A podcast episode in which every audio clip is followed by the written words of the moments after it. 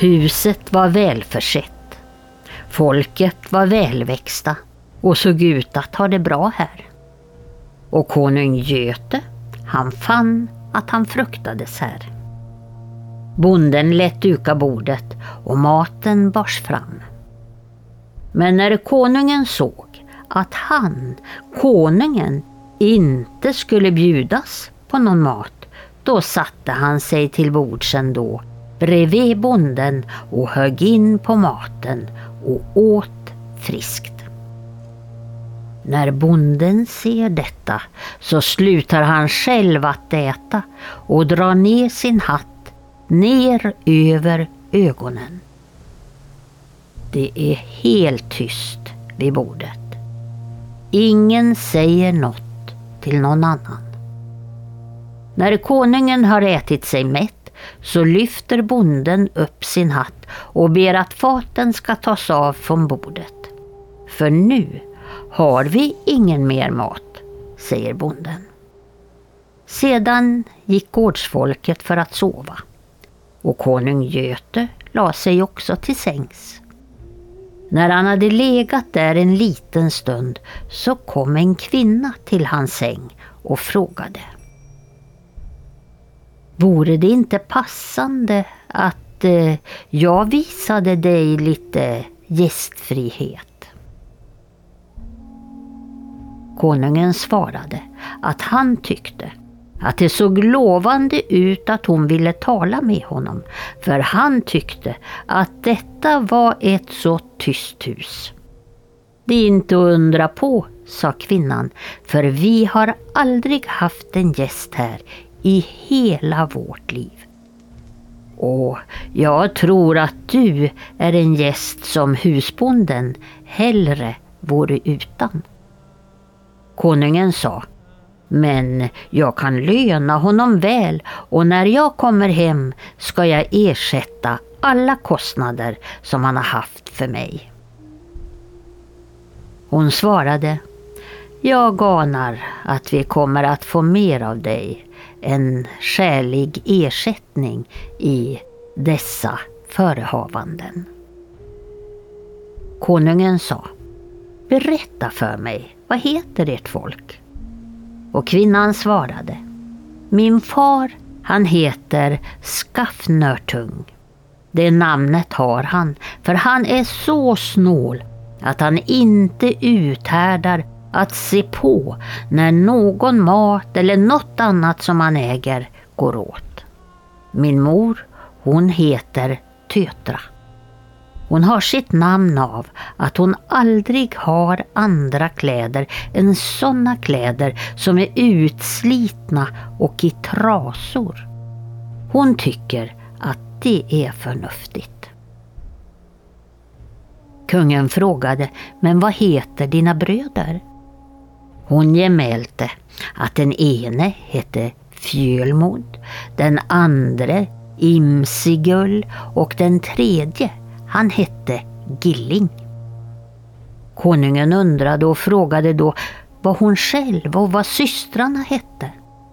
Och kvinnan svarade att hon själv hette Snotra. Och det namnet har jag fått för jag anses vara den visaste av oss systrar. Mina systrar heter Jotra och Fjotra. Här vid vår gård så finns det en klippa som heter Gillings klippa. Där finns det ett utsprång som vi kallar för ättestupan.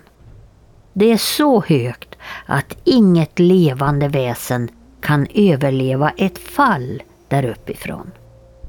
Det heter ättestupan för när stora händelser inträffar, då begränsar vi vår ätt där. Alla våra gamla de dör där.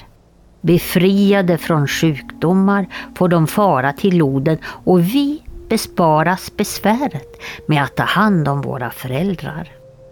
Alla släktingar har tillgång till denna lyckliga plats och ingen behöver leva i fattigdom eller svält eller i andra olyckliga omständigheter som kan drabba oss. Nu ska du veta att far min, han anser att det är mycket uppseendeväckande att du har kommit till vårat hus. Det hade varit en nog olycksbådande händelse om en vanlig man hade kommit och delat vårt bord, men detta att en konung, frusen och utan kläder har kommit till vårt hus, det är en alltför omvälvande händelse. Det saknar helt motstycke och därför ämnar min far och mor skifta arvet mellan oss syskon redan imorgon och sedan ska de ta med sig trälen och bege sig över ättestupan och till Valhall. Far min vill inte vara småaktig så han belönar den goda viljan som trälen visade när han försökte driva dig från dörren. Därför ska även trälen få njuta sällheten med far. För far tror att Oden inte tar emot trälen om man inte kommer i fars sällskap. Konungen sa, ja, jag förstår att du är den mest talfärdiga här och du ska få min gunst. Jag förmodar att du är jungfru och du ska sova här hos mig i natt. Och Snotra sa att därom fick konungen råda.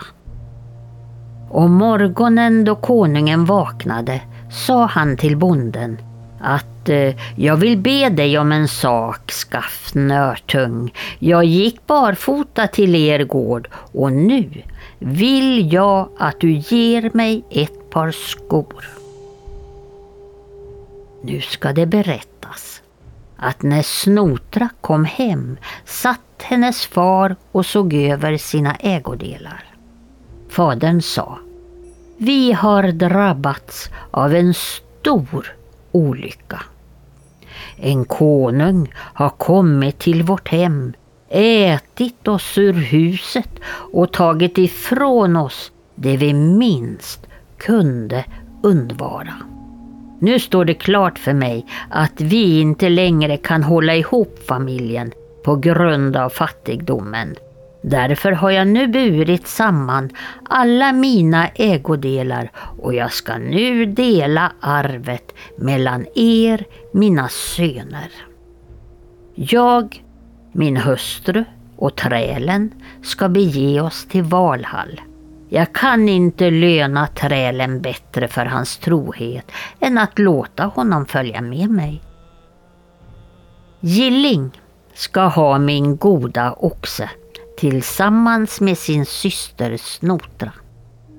Fjölmod ska ha mina guldtenar tillsammans med sin syster Jotra. Imsigull ska ha allt korn och åkrarna tillsammans med sin syster Fiotra. Men det ber jag er mina barn, utöka inte er skara, för då kan ni inte behålla ert arv. Och när bonden Skaff Nörtung hade talat så som han tänkte och tyckte, så gick de alla upp på Gillings klippa. Barnen ledde sin far och mor över ättestupan och de for glada och lyckliga till Oden.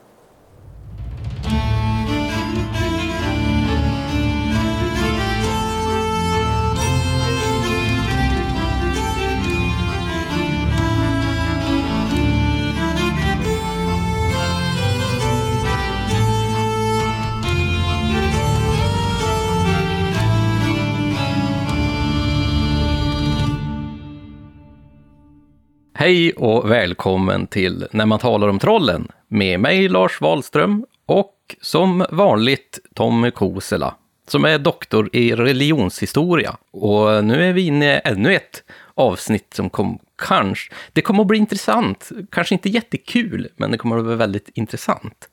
Vilket jag hoppas. Hej Tommy! Hej Lars! Och det här är ju en podd som vi gör på vår fritid, Tommy, jag och Eva, när vi hinner och när vi kan. Och därför är vi otroligt, otroligt tacksamma och glada för er som vill stödja oss i den här podden. Och det kan man ju då göra till exempel via vår Patreon-sida där vi gör väldigt mycket bonusmaterial som man kan ta del av. Vi har ju bland annat två serier som vi har nämnt förut. Fornordisk mytologi och sen Hela världens folktro. Och alldeles nyligen så släppte vi ju faktiskt ett avsnitt som tangerar lite grann båda de här ämnena. Och då begav vi oss till Island. Senaste avsnittet där, det var ju om um, Hultufolk, alltså alfar då specifikt, i isländsk folklor. Men vi hade ju ändå ett fokus som var i lite modernare tid. Sent 1700-tal, 18 och 1900-tal framför allt. Då. Man får se på dem. Alfar, eh, alver då helt enkelt. Det var väldigt kul, vi fick prata om det här osynliga folket som sägs leva tillsammans med den övriga isländska befolkningen. Mm. Och sen framöver här så kommer vi också släppa det tredje och sista delen i den här trilogin ifrån eh, fornordisk mytologi-serien. Där vi pratar om, ja, vad säger vi, trolldom i fornordisk tid. Precis, vi har nu haft avhandlat galdrar där, vi har avhandlat rym, magiska runinskrifter då, och sen nu sista blir det om sejden. Mm. Sen går vi vidare i myterna såklart. Ja, det finns ju hur mycket som helst när vi pratar om de här asagudarna och Garm och Hel och hela den fornordiska mytologin. Men du Tommy, den här gången ska vi prata om någonting som i och för sig säkert sträcker sig till förkristen tid, om inte ännu längre tillbaka. Och vi ska prata om något så kanske hiskeligt, men väldigt fascinerande, som människooffer. Den här eh, traditionen om att offra sitt eget liv eller andras liv för någon form av fördel. Ja, och det här är ju, är ju ett ämne som vi kände att det, det, det kommer ju vara väldigt spännande att, att ta upp i, i podden här. Det finns ju anledning att dels söka sig tillbaka till förkristna traditioner, men också se vad som finns berättat om potentiella människooffer i sägnernas värld, alltså i folktron.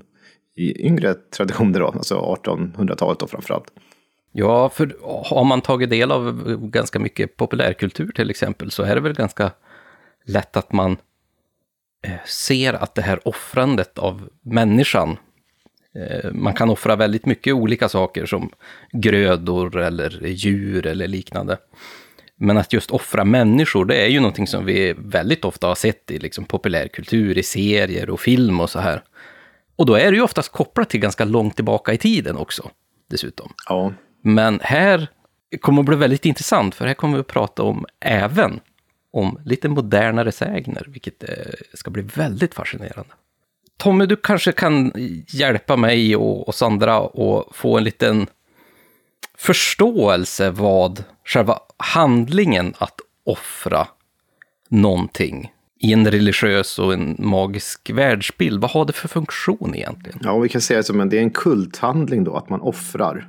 Men det är ett ganska komplicerat begrepp och religionshistoriker och religionsantropologer och många andra har ju diskuterat, arkeologer har också diskuterat detta, vad som ingår i själva definitionen av offer. Det finns också så många olika typer av offer. Det är slaktoffer och det är gravoffer och försoningsoffer, dryckes eller libationsoffer och liksom alla möjliga former av offer. Så att jag tänkte att en enkel definition som fungerar ganska väl här, eh, att utgå ifrån, den kan man få om man slår upp ordet offer i Svenska Akademins ordbok. Och då får man första betydelsen av offer här. Gåva som man i religiöst eller magiskt syfte frambär eller ger eller helgar respektive slaktar, bränner, äter eller dricker för att komma i förening med respektive blidka, tacka med mera, en gud eller ett övernaturligt väsen eller en avliden person. Så att det är lite grann här som man tänker på offret som en religiös handling. Att man vill komma i förening med det här äh, det övernaturliga då. Ja, och just det här med att offra verkar ju ha varit en väldigt vanlig handling som vi har haft i, i stort sett alla olika kulturer genom historien. Men även just den här handlingen att man nästan tar det ultimata offret, att offra människan. Ditt eget kött och blod nästan. Även om det har kanske mer historiskt varit lite omtvistat eh, hur eh, riktigt det här faktiskt har varit. Väldigt omtvistat. Eh, mm. Det har ju oftast varit så, säg om det är i en nordisk kultur då, så har man ju kanske inte gärna velat erkänna, eller alltså tycka att de här källorna som har nämnt människooffer har haft särskilt högt värde som historiska källor. Medan man gärna då ser att andra utomnordiska källor är mera pålitliga i det här avseendet. Så det har ju, har ju naturligt också att göra med vad man vill ska komma fram. Om man tycker att man även har fått människor här eller inte.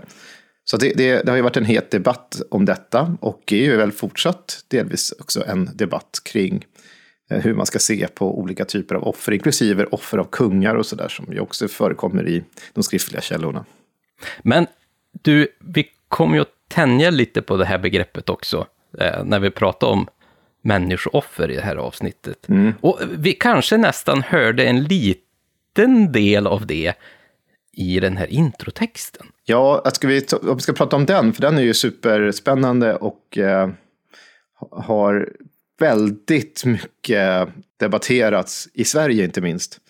Förvisso så hittar vi ju i texten, i litterära formen här, så hittar vi faktiskt att de här är tänkt att de ska komma vidare till eh, gudavärlden då, till Oden pratar man om. Det här är en saga som heter Gautriks saga. En isländsk saga sådan. En av typen som vi har nämnt i podden här och i podden Fornnordisk mytologi ganska många gånger tror jag nu. Den genren då som är fornaldarsagor. Eh, fornaldarsaga. Eh, och det är ju alltså då en saga som är lite mer fantasirik, eh, lite senare än de här vanliga islänningasagorna i regel, åtminstone nedtecknat senare. Och kan innehålla en del fantastiska element, minst sagt. Den här kungen då, Göte som det blir i Mats Malms översättning, det finns ju i flera översättningar till svenska faktiskt. Men han är då kung över Västergötland. Mm. Står det uttryckligen i sagan. Och han är ju ute och har varit på jakt och sådär. Och sen så har han blivit av med kläder och sitt spjut. Och sen så kommer han till en avlägsen ort någonstans i Västergötland. Och där så träffar han på först en träl som vars hund varnar först. Och då slår trälen ihjäl hunden. Och sen så kommer då kungen till den här gården som sen vi fick höra delar ifrån. Det här har ju väldigt tidigt, när man, under stormaktstiden egentligen, när man börjar jaga sådana här sagor för att hitta belägg för sin egna nation. Och det här var då tävlan framförallt mellan Sverige och dåtida ärkefienderna Danmark. Att man liksom försökte roffa åt sig så mycket material man kunde ur de här sagorna för att liksom glorifiera sin egen, egna nations historia. Och den här utspelar sig då tydligen i Sverige. Det här blev den första sagan som på 1600-talet första någonsin som översattes till eh, svenska. Den gavs ut i Sverige av en av dåvarande riksantikvarie som hette Olof Verelius. Den kom ut 1664, de med parallelltexter. Så att eh, isländska texten och en svensk parallellöversättning och en vetenskaplig notapparat på latin. Det du, det händer inte varje dag. Då. och eh, den här gjorde då att många fascinerades över berättelsen om ättestupor. Det blev, det blev liksom mm. en, en jakt och stor diskussion kring vad ättestupan var för något, om det har funnits. Och eh, vi kan spola fram bandet lite grann för att det är så mycket som skrevs om detta. Så det här gjorde ju snabbt att många forskare försökte söka efter riktiga ättestupor också i, runt om i Sverige. Eh, och det var, det var många olika typer av forskare som var inblandade i detta. Det har en tysk filolog, han som gick, han gick igenom, hette Wilhelm Ranisch, han gick igenom olika versioner av Gautreks saga då. Och han tyckte att det här då hade en stark sagokaraktär.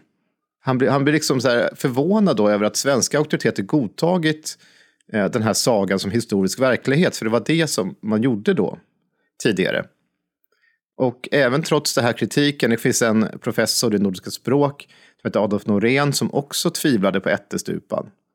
Men trots de här personerna så var det många forskare eh, som menar på att det här är sanning och någonting som gjorde det mer komplicerat för att man försökte då skriva fram exempel ifrån då motsvarande dagens Tyskland om motsvarande eh, traditioner. Det finns en forskare som är väldigt berömd som vi har hört om i avsnittet om eh, skogsrået, eh, Gunnar Granberg. Han skrev nämligen sin avhandling om, om skogsrået. Han skrev 1934 så åkte han runt i Östergötland och samlade in berättelser av gamla människor. Han menar på att de hade minnen av hur man hade slagit ihjäl någon med så kallade ätteklubbor. Jag vet att vi har exempel på även sådana texter här som vi ska få höra av, av Eva om ett litet tag. Och många var liksom runt om och letade och Gunnar Olof Fyltén Cavallius som vi också tagit upp i den här podden förut som skrev om Värend och Virdane. Han var också inne på de här myterna, han hade också läst om detta och tänkte att det var sanning. Det finns en annan folklivsforskare som heter Gösta Källerman som också menade på att det här var en slags dödskult i dåtida Västergötland. Och han ville härleda mycket till olika då, ortnamn som där Oden eller Valhall kunde liksom ingå, tänkte han sig. Och även en del religionshistoriker var inne på det här, som att det skulle kunna vara en sanning bakom detta. Men det är komplicerat för att nästan slutledet så leder nästan allting tillbaka till den här sagan vi fick höra. Så, så, att mycket mer än så kan man inte egentligen skrapa ihop, förutom att vi har en ganska fantasifull eh, saga som berättar om hur man tog koll på eh, gamla människor för att de inte skulle bli en belastning. Men det som jag tycker är ganska intressant här och kanske blir ett insteg till, till, till nästa del, det är ju att eh, när man tänker ättestupa så är det just som de förklarar här i den här sagan att de äldre i familjen eh, hoppar över det här stupet för att eh, de inte ska vara last egentligen till sina barn. De har blivit för gamla, istället för att komma till ett ålderdomshem så då slänger vi oss över klippan här. Men samtidigt så pratar de om att de ska komma till Oden i Valhall. Mm. Och det här är någonting som jag också pratar lite grann med vår kommande gäst, Claes af Wikström av Edholm också, att man offrar sig här i, i den själva liksom, världsliga handlingen, att du kastar dig över stupet. Men samtidigt så offrar du dig till en gudom, i det här fallet Oden. För att Oden ska ju sen ta in dig i sin hall och du blir en av de här slagskämparna då som ska vara med i hans sista strid. Så att på så sätt så offrar du också ditt efterliv att strida för Oden också. Vilket är ju ganska intressant på något sätt. Väldigt intressant och som också går i sin tur emot många uppgifter med hur man kommer till Oden, för då skulle man ju i så fall mm. dö på slagfältet och inte kasta ja, precis, sig inte ta, inte ta sitt eget liv, det var ju kanske snarare Eller, eller som i den här sagan också säger att trälen kommer med. För att det är ju, och trälar har i andra sagor också offrats i samband med en begravning. Vi har ju exempelvis den här Ibn Fadlan som skriver om rusernas begravning också, om hur en träl hur trälar avrättas i det här sammanhanget. Men det är inte så att den här står inte heller helt isolerad i den isländska litteraturen. Mm. Nu lät det som det här i början jag pratade om, Götryksagan. Den, den är väl mest tydlig och har det här ättestupan beskriven. Jag nämnde han, folklivsforskaren Kellerman, som hade sökt efter eh, ortnamn. Och det finns en del ortnamn som tycks tyda på det här. Men så vet man inte om sagan har gett upphov till de här namnen, alltså berättelserna. För förmodligen är det så att de har funnits och sen så har de levt vidare i folklig tradition och fått liv i sägenform där så att säga. Och då, sånt kan ju också prägla en del lokala namn. Så det, det, är väldigt svårt att veta, men vi har ju en del andra eh, sagor som berättar om hur man har avrättat gamla människor i, i förkristna samhället. I, bland annat i den här Lannama bok, då, en isländsk samling med berättelser som handlar om hur man koloniserade Island och det handlar mycket också om hur olika ställen på Island har fått sina namn ortsnamn så att säga, och så är det sägner och sånt där. där. Där berättas det på ett sätt att somliga lät dräpa gammalt folk och hjälplösa och kasta dem ut för klippor under ett, ett, oår. ja, och sen i en annan saga som heter Kristni eh, saga så berättas om hur ja, då, hedningar blotar onda män och kastar dem ut för berg och klippor. Mm. Och sen i en annan saga som heter Reikdala saga så sägs det att bära ut barn och dräpa gammalt folk är någonting som finns. Så det, det, är en slags sed som beskrivs i, i, några olika källor. Men vi har ingenting som är så pass tydligt som i den här äh, Gautreks saga. Då. Men du, Tommy, när vi ändå rör oss i den här tiden så kanske vi ska prata lite grann om just den här äh, bloten och de här eh, rituella utövningarna där man faktiskt offrade människor för, ja, antagligen för att få gudarnas gunst på något sätt. Och är det inte så att vi har en till text här som även vår käre biskop nämner lite grann i de nordiska folken? Ja, alltså ska vi söka oss vidare till andra beskrivningar, för det finns ju många som... Och sen för, måste jag ju faktiskt säga här nu, när det gäller Götriks saga, eller Gautriks saga, och den som vi ska få höra nu, som är då inte Olaus, utan en annan biskop, Adam av Bremen. De är ju kristna, och de beskriver förkristna sedvänjor. Och att offra människor är ju ingenting som är okej okay utifrån kyrkans perspektiv. Det är någonting man gärna tillskriver de som står utanför, alltså hedningar då som man kallar det för. Men visst, vi ska få höra ett exempel från Adam av Bremen. Och eh, Adam av Bremen var ju en biskop som tjänade vid Hamburg-Bremen-domen då, så att säga, motsvarande.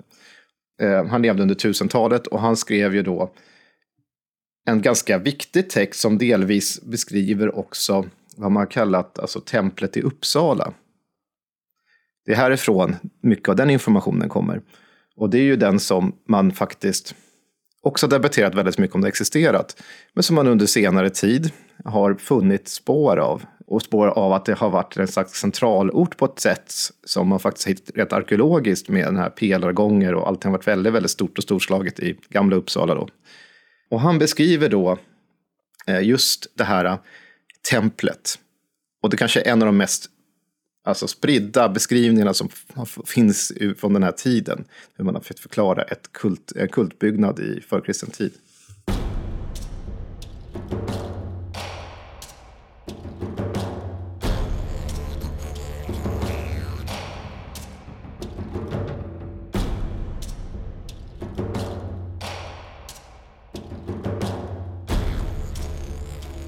De har tilldelat alla sina gudar präster som frambär folkets blod. Om en farsot eller hungersnöd hotar, då offrar man till Tors bildstod och om ett krig förestår till Oden. Och om ett bröllop ska firas, då offrar man till Frej. Vart nionde år brukar man dessutom fira en gemensam fest i Uppsala med deltagande av folk från alla svionernas landskap. Ingen har lov att utebli från denna fest. Kungar och folkstammar, alla och envar, sänder sina gåvor till Uppsala.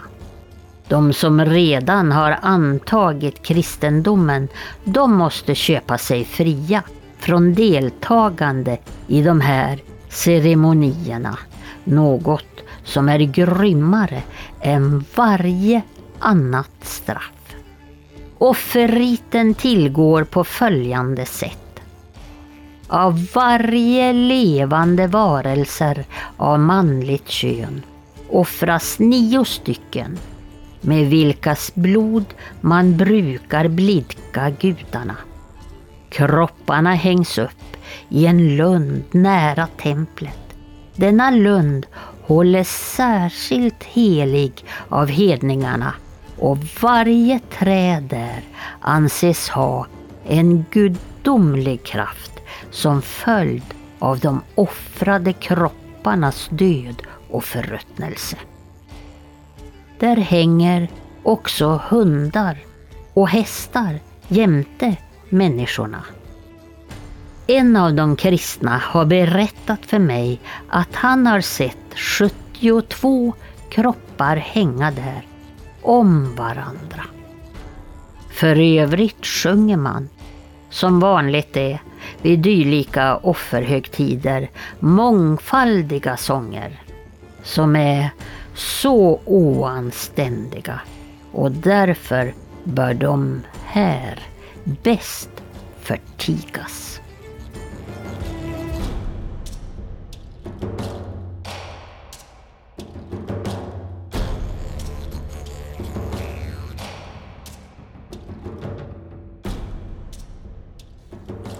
Här fick vi ju verkligen höra hur man eh, gjorde de här eh, riterna uppe vid Uppsala templet. Jag tyckte det var väldigt fascinerande. Vad var det där? 72 kroppar hängda vid ett tillfälle. Det låter ju som otroligt mycket. Vi har ju det heliga niotalet också i förkristen Mm. eh, synpunkt här. Men det intressanta i allt det här är ju också att Adam av Bremen faktiskt aldrig var på plats. Nej, just det. Ut- Utan han, som närmast var han i Danmark då. Och en av hans eh, informanter där var kung Sven Estridsson. Och andra danskar som fick upplysningar om saker och ting som har skett i andra delar, bland Sverige och Norge då. Så han har fått det här via muntligen då berättat för sig. Det här har legat till grund till flera senare texter också som har beskrivit just det här templet, om man nu använder det ordet ens, kultbyggnaden i eh, Gamla Uppsala. Men i alla de här detaljerna som beskrivs så hör vi ju då också om att det inte var som helst, även människor har offrats till gudarna här. Och här eh, finns ju en liten detalj som är ganska intressant. Eh, är ju att de här offren, eh, oavsett om det är ett djur eller om det nu är en mängd människor, är att de hängs upp i de här träden också. Mm. Va- varför just den här hängningen? När vi pratar om hängning annars i liksom, fornordisk mytologi så är det väl Oden som står för den kopplingen, att han själv har hängt i världsträdet till exempel, där han offrar sig själv. Dels är det ganska enkelt att hänga upp lik på det sättet, alltså förhållandevis. Och det är ju symboliskt synligt, om man säger så, Mm. från avstånd. Det har ju pratats om att man har hängt upp vargar i vissa träd och sådana saker också i avskräckande syfte. Så att det kan ju, om det nu har skett, så kan det ju vara en sån symbolik att man vill visa de här, man vill visa upp de döda kropparna.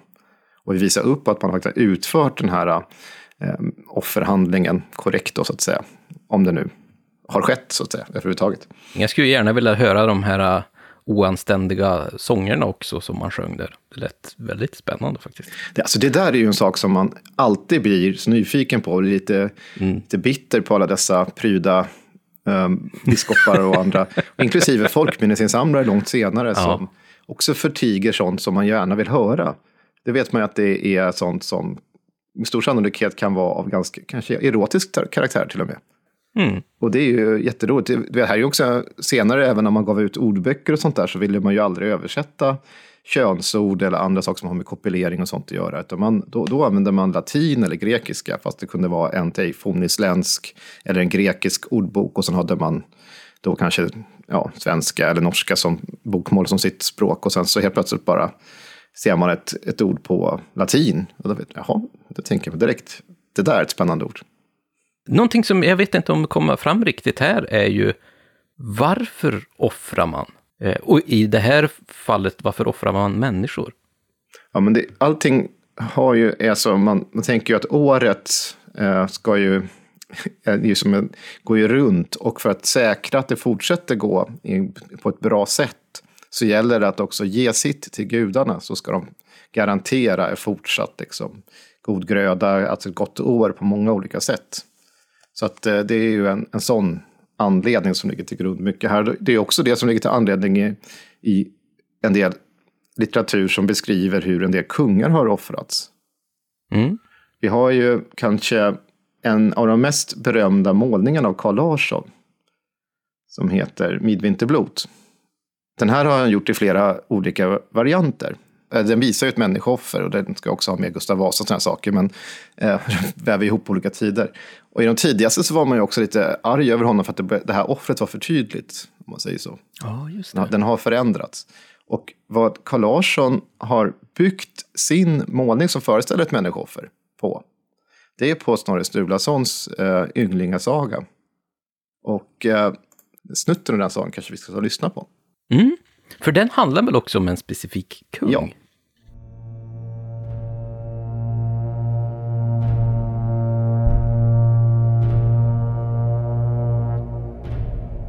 Hittbas fyr, att fold Rudus svärd beredndr sin drottning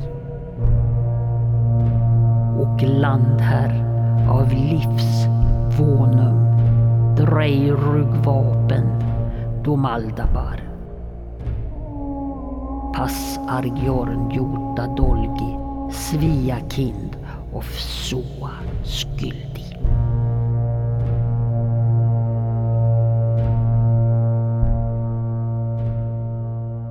Domalde tog arv efter sin far Visbur och styrde över länderna. På Domaldes tid blev det svält och elände i Svitjod. Då ordnade svearna med ett stort blot i Uppsala. Första året blotade de med oxar, men det gjorde inte årsväxten mycket bättre. Så nästa höst började de med människoblod. Men årsväxten var likadan eller sämre. Men den tredje hösten kom svearna i stor mängd till Uppsala när blotet skulle vara.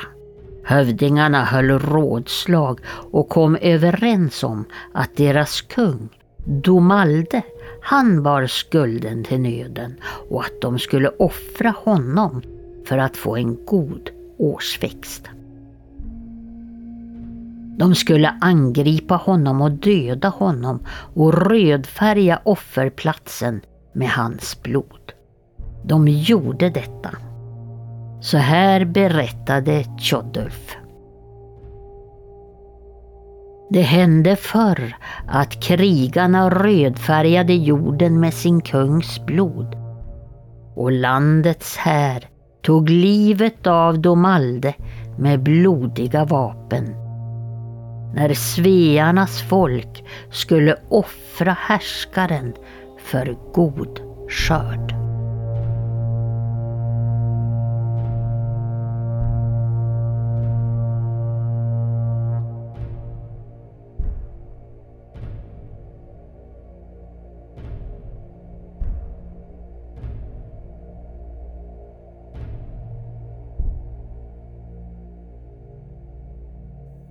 Ja, här får vi ju höra Snorre liksom beskriva hur den här kungen blev offrad för att de skulle få en god skörd. De försökte med djuren, de försökte med grödorna, sen försökte de med eh, folk överlag och börja offra dem, men det blev ju inte bättre.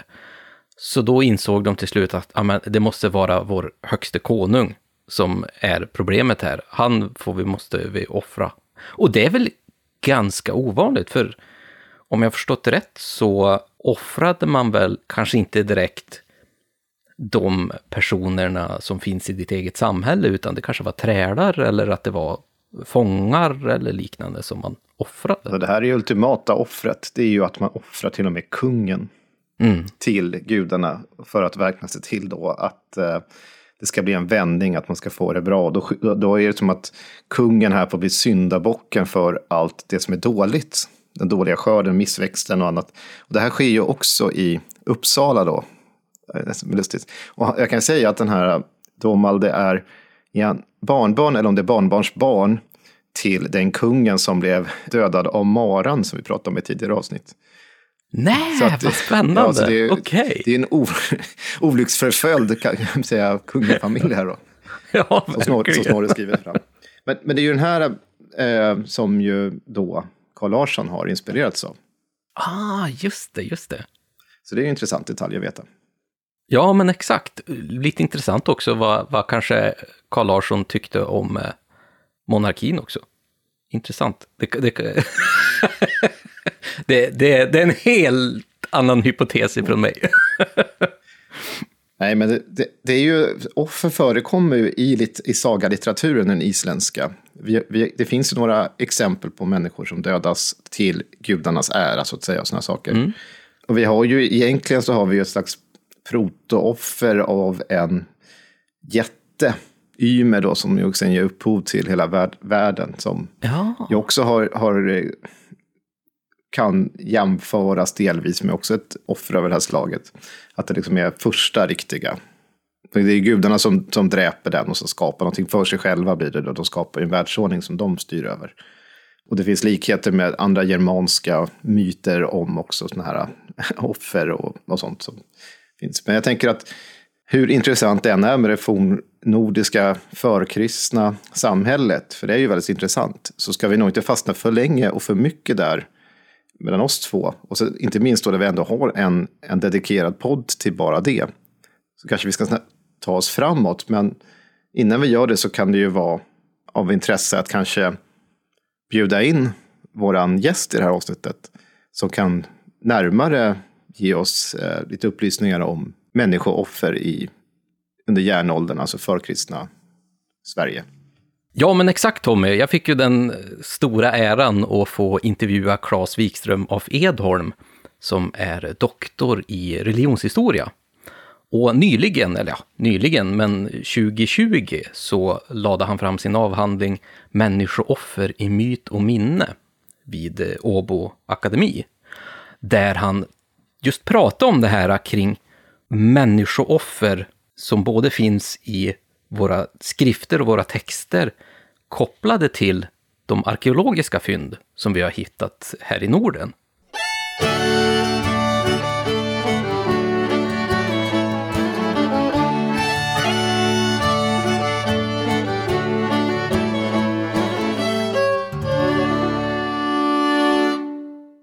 Vilken betydelse hade liksom att man offrar själva människan över djuren och, och grödorna? Så här?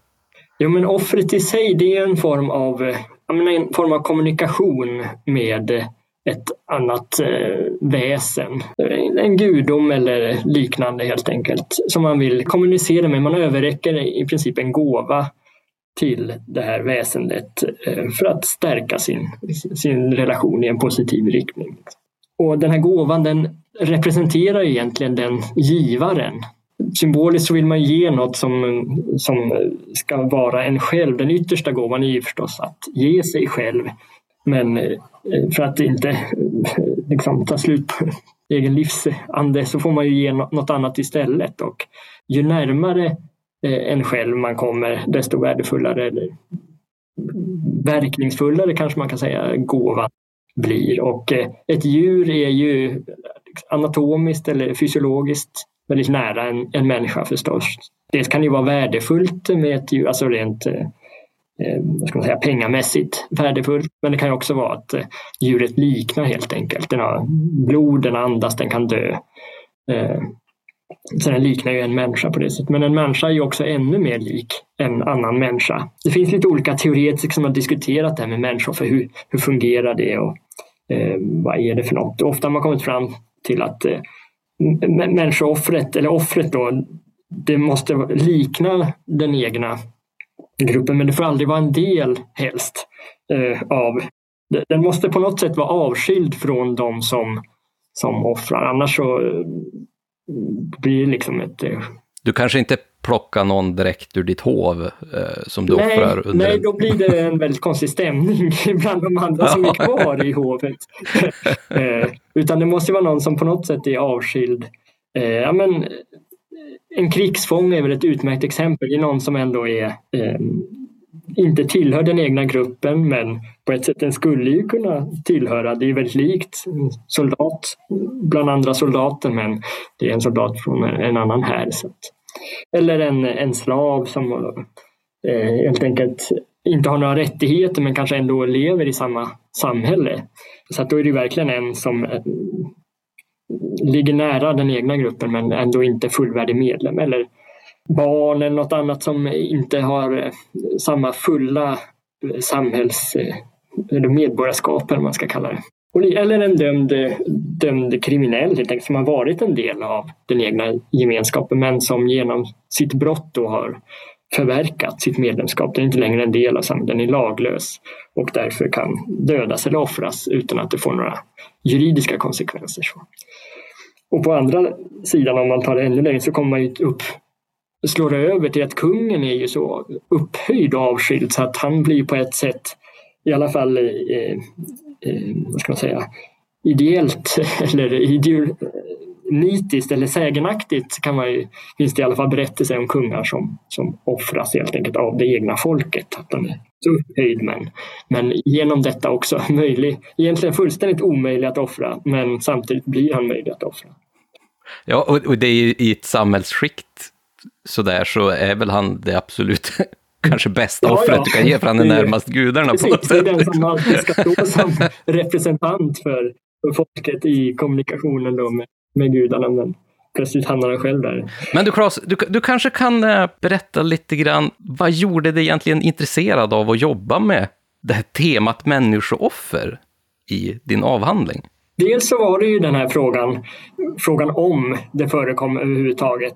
Men också att eh, med hjälp av lite andra ingångsvinklar, till exempel att ta hjälp av arkeologiskt material och se, går att eh, argumentera på ett nytt sätt för eller emot eh, den här slutsatsen att det ska ha funnits människooffer. Eh, Men också att eh, föra en helt enkelt teoretisk diskussion. Hur ska vi ens kunna studera ett sånt här ämne som människooffer utifrån ett arkeologiskt material och ett eh, skriftligt material? Så hur går de att kombinera på ett eh, fungerande sätt eller hur ska man göra överhuvudtaget? För det är lätt att man pratar förbi varandra. Arkeologer ser en sak och religionshistoriker pekar på andra problem i de skriftliga källorna till exempel. Och då blir det lätt att man aldrig möts utan man bara pratar förbi varandra helt enkelt. Men De här källorna, du pratar om arkeologiska källor och eh, de skriftliga källorna. Och vi vet ju, vi har ju hittat väldigt många olika typer av arkeologiska fynd där man vet att man åtminstone har offrat djur och grödor och, och dyrbarheter, guld och liknande också.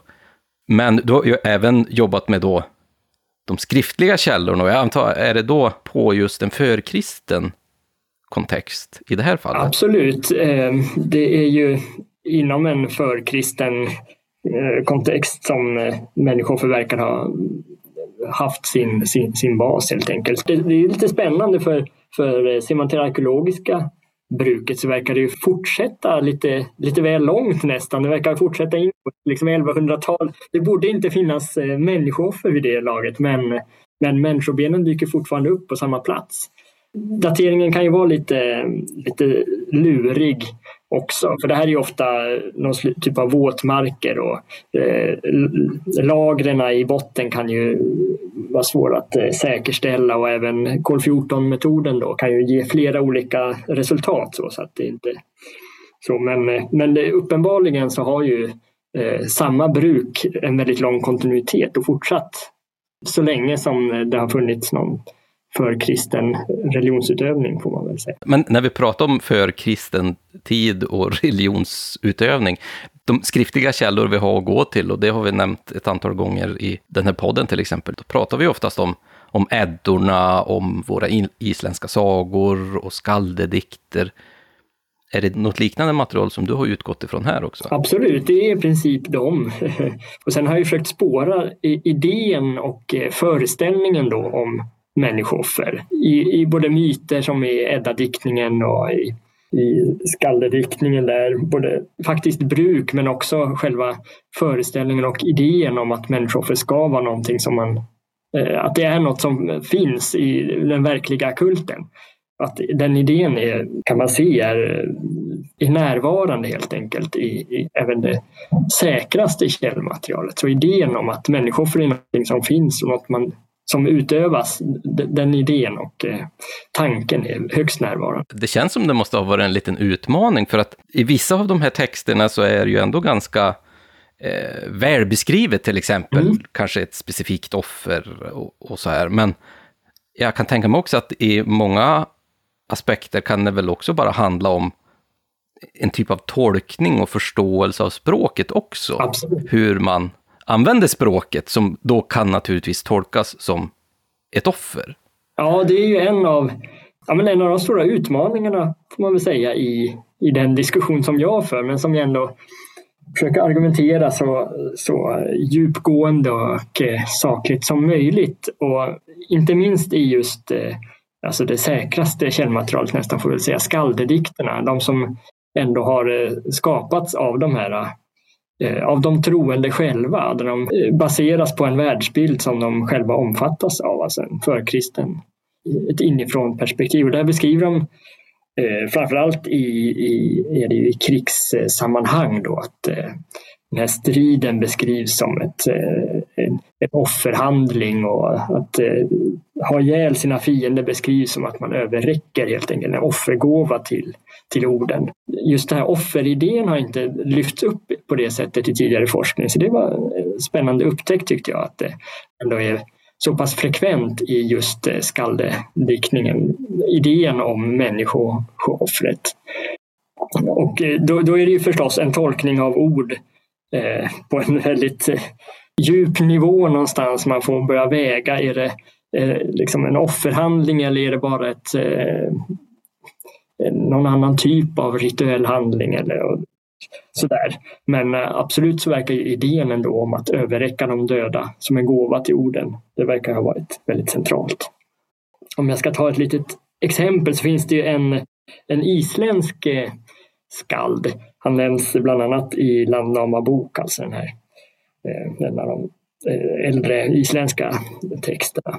Och han, han, blev, han var väldigt, helt enkelt en yrkessoldat bland annat, eh, hade varit i, i Norge eh, och stridit där. Sen kom han hem till Island och då hade hans mamma hittat en ny älskare som han inte alls kom överens om.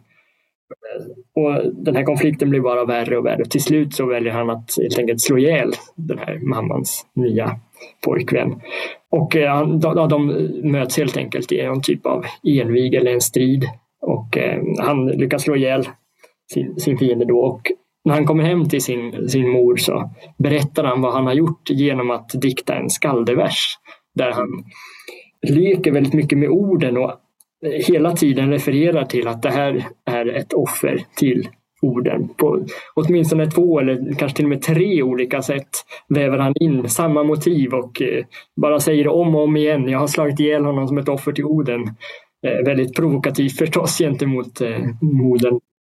Men, men det är också väldigt spännande för där är det ju verkligen, om man får väl anta att det är just eh, Helge eh, själv som eh, har diktat den här och han då ger uttryck för sin egen upplevelse, eller sin egen syn på, på det här eh, striden och dödandet som just ett offer, att han överräcker ett utlovat offer till, till orden. Ja, det, och det, det är klart, det, det rättfärdigar ju handlingen lite grann också. Ja, precis. Och i och med att jag nu, om man har upplevt en väldigt traumatisk, eh, får man anta, en strid kanske första gången, men Eh, nu har jag ju överlevt det och jag har överräckt då eh, offergåvor till, till orden och eh, han är ju gunstigt inställd, välvilligt inställd till mig så att nästa gång kommer jag förstås fortsätta segra för jag har ju, nu är jag ju på ordens sida och överräcker honom de gåvor som han vill ha. Ja, visst, det är både, både före och efter så hjälper det till till att bygga en stridsmoral förstås men också eh, ja, men, göra det hela begripligt och lite mera förlåtligt på något sätt. Ja. Men krig skedde ju inte hela tiden. Men man offrar ju ändå. Ja, eh, och den kalendariska kulten kanske man får komma in på där.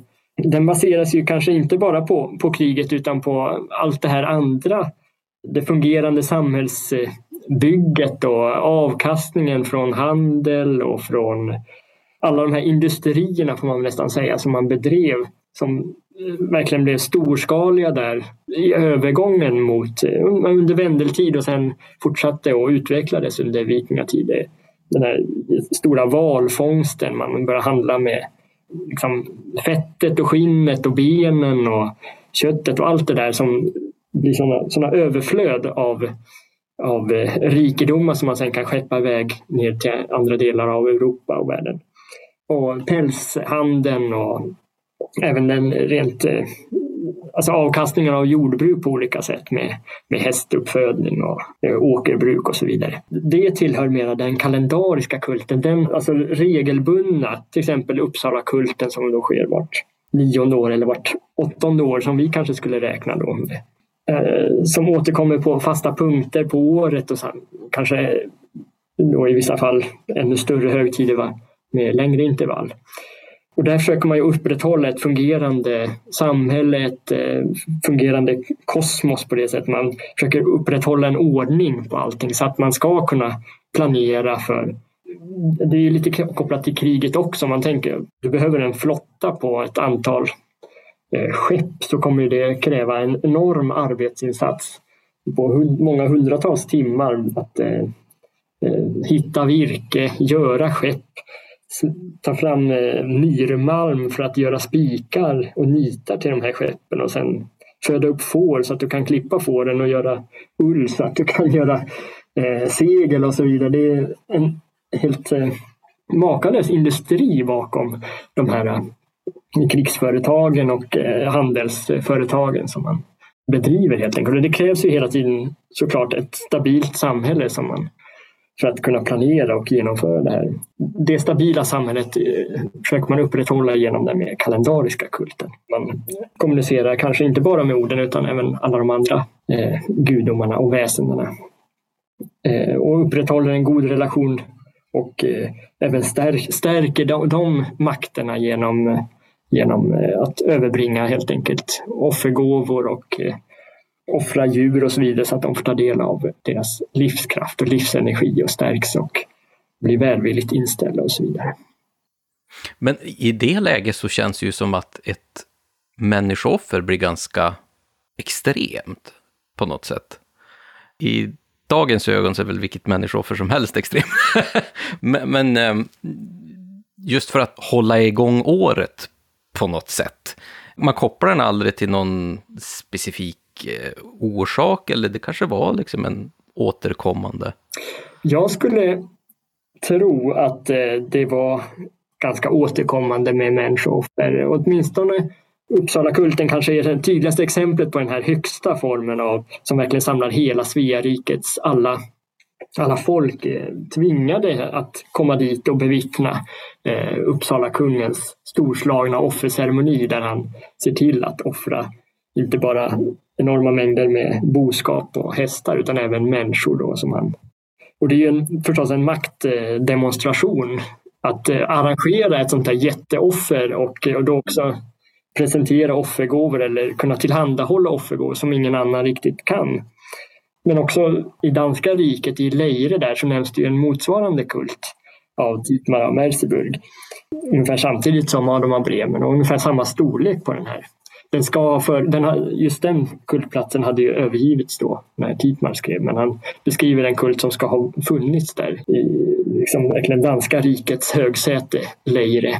Och då ska man ha offrat eh, 99 människor till, till och med det Eh, vi är en av de här eh, vart nionde år. Liksom. Eh, och det låter förstås helt extremt om man ser på det. Men å andra sidan, danska riket ett väldigt rikt område, antagligen danska kungen då. Varför skulle inte han kunna ha råd att bekosta att köpa in sig 9-10 slavar per år och sen helt enkelt bara offra dem som ett jättestort, eh, en stor maktdemonstration vart, vart nionde år ungefär. För att eh, ja, visa på att han står ovanför alla andra.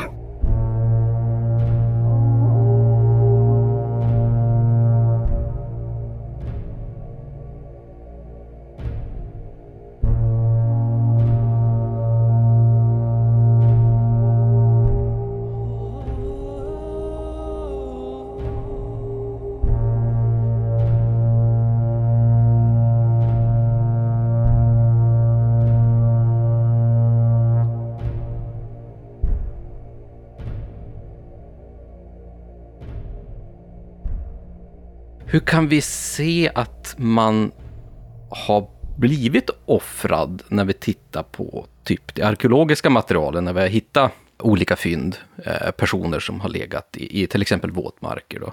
Ja, ja, det är ju det är en svår fråga. För problemet med just eh, alltså, materiella lämningar så som, eh, som är offerfynd, då, det är ju att vi kan aldrig veta av materialet i sig så kan vi aldrig veta intentionen, alltså vad har man haft för avsikt när man har handlat på det här sättet.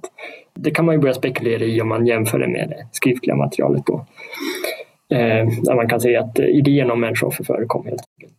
Men det man annars kan se det är ju att det är mönster och överensstämmelser på olika sätt, både med andra eh, fyndplatser men också med överensstämmelse med eh, de skriftliga källorna som också säger något om eh, avsikten med det hela.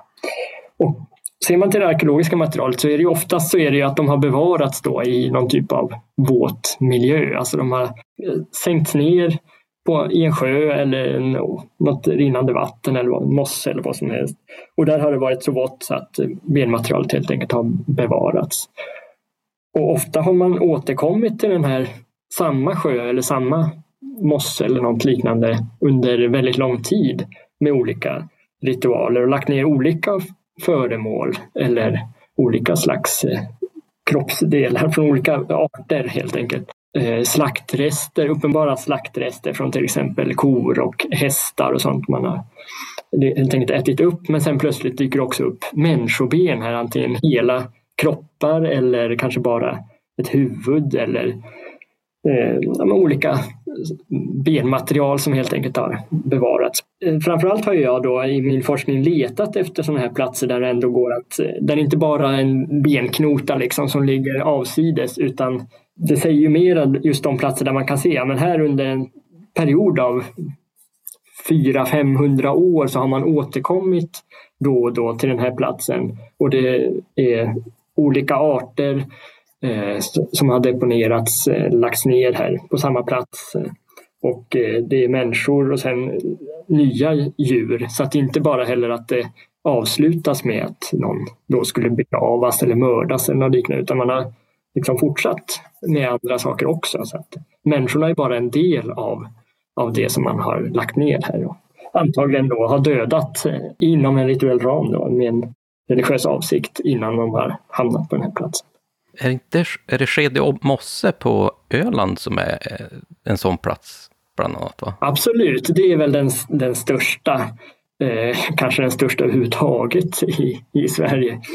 Eh, som man kan förvänta sig. Det där är helt enorma mängder. Eh, och det är en lång, enormt lång kontinuitet också. Det är så över tusen år som man har använt den här, man får väl säga använt den här offerplatsen helt enkelt. Där dyker det upp och under hela den här perioden, och det fortsätter ända fram till, till tusentalet ungefär, eh, med olika typer av offer. Då. Eh, under hela perioden så verkar man också ha återkommit och offrat människor. Så. Eh, och det är enorma mängder med. Alltså det är ett, man hade, började ju dika ut skedemossor där på 1800-talet och då dök det upp massa ben när man började plöja. Och då höll bönderna på att samla ihop de här benen och forsla bort dem och man brände dem och man använde dem som gödsling och så vidare. Och det var först på, på vad blir det, 50-60-talet någonting som man började gräva arkeologiskt. Eh, så att under en väldigt lång period har man helt enkelt bara forslat bort mängder av arkeologiska fynd. mängder av ben därifrån.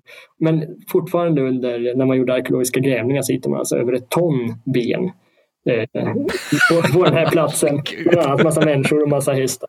Eh, så att det måste ha varit helt extrema mängder mm. eh, skelett i marken på, på, den här platsen. Så enormt viktig kultplats och enormt eh, eh, lång kontinuitet. Då. Men annars så är det just om man ska ta reda på idén bakom de här handlingarna så är det ju, krävs det i princip skriftliga källor helt enkelt för att förstå tanken bakom. Och då har vi ju det isländska texter till exempel och eh, eh ja, men Edda-dikter, skaldedikter och så vidare. Men också har vi ju arabiska källor, alltså muslimska eh, handelsresande eller diplomater eller geografer som har stött på nordbor som har varit på handelsfärder i första hand. Och där bland annat finns det en som heter Ahmad ibn Rusta som beskriver ett möte med, med skandinaver i, i österled. Där de, eller i deras eh, följe så finns det en, några som är då någon typ av rituella experter. Han kallar det för atibba, vilket är ungefär medicinmän eller trollkarlar eller något liknande. Eh, men de kan då avgöra vad som är den lämpliga offergåvan. Och min egen teori är att de helt enkelt kastar eh, den här väldigt återkommande lottkastningen, att man har typ av lotter som man kastar för att utröna det, det offer som ska...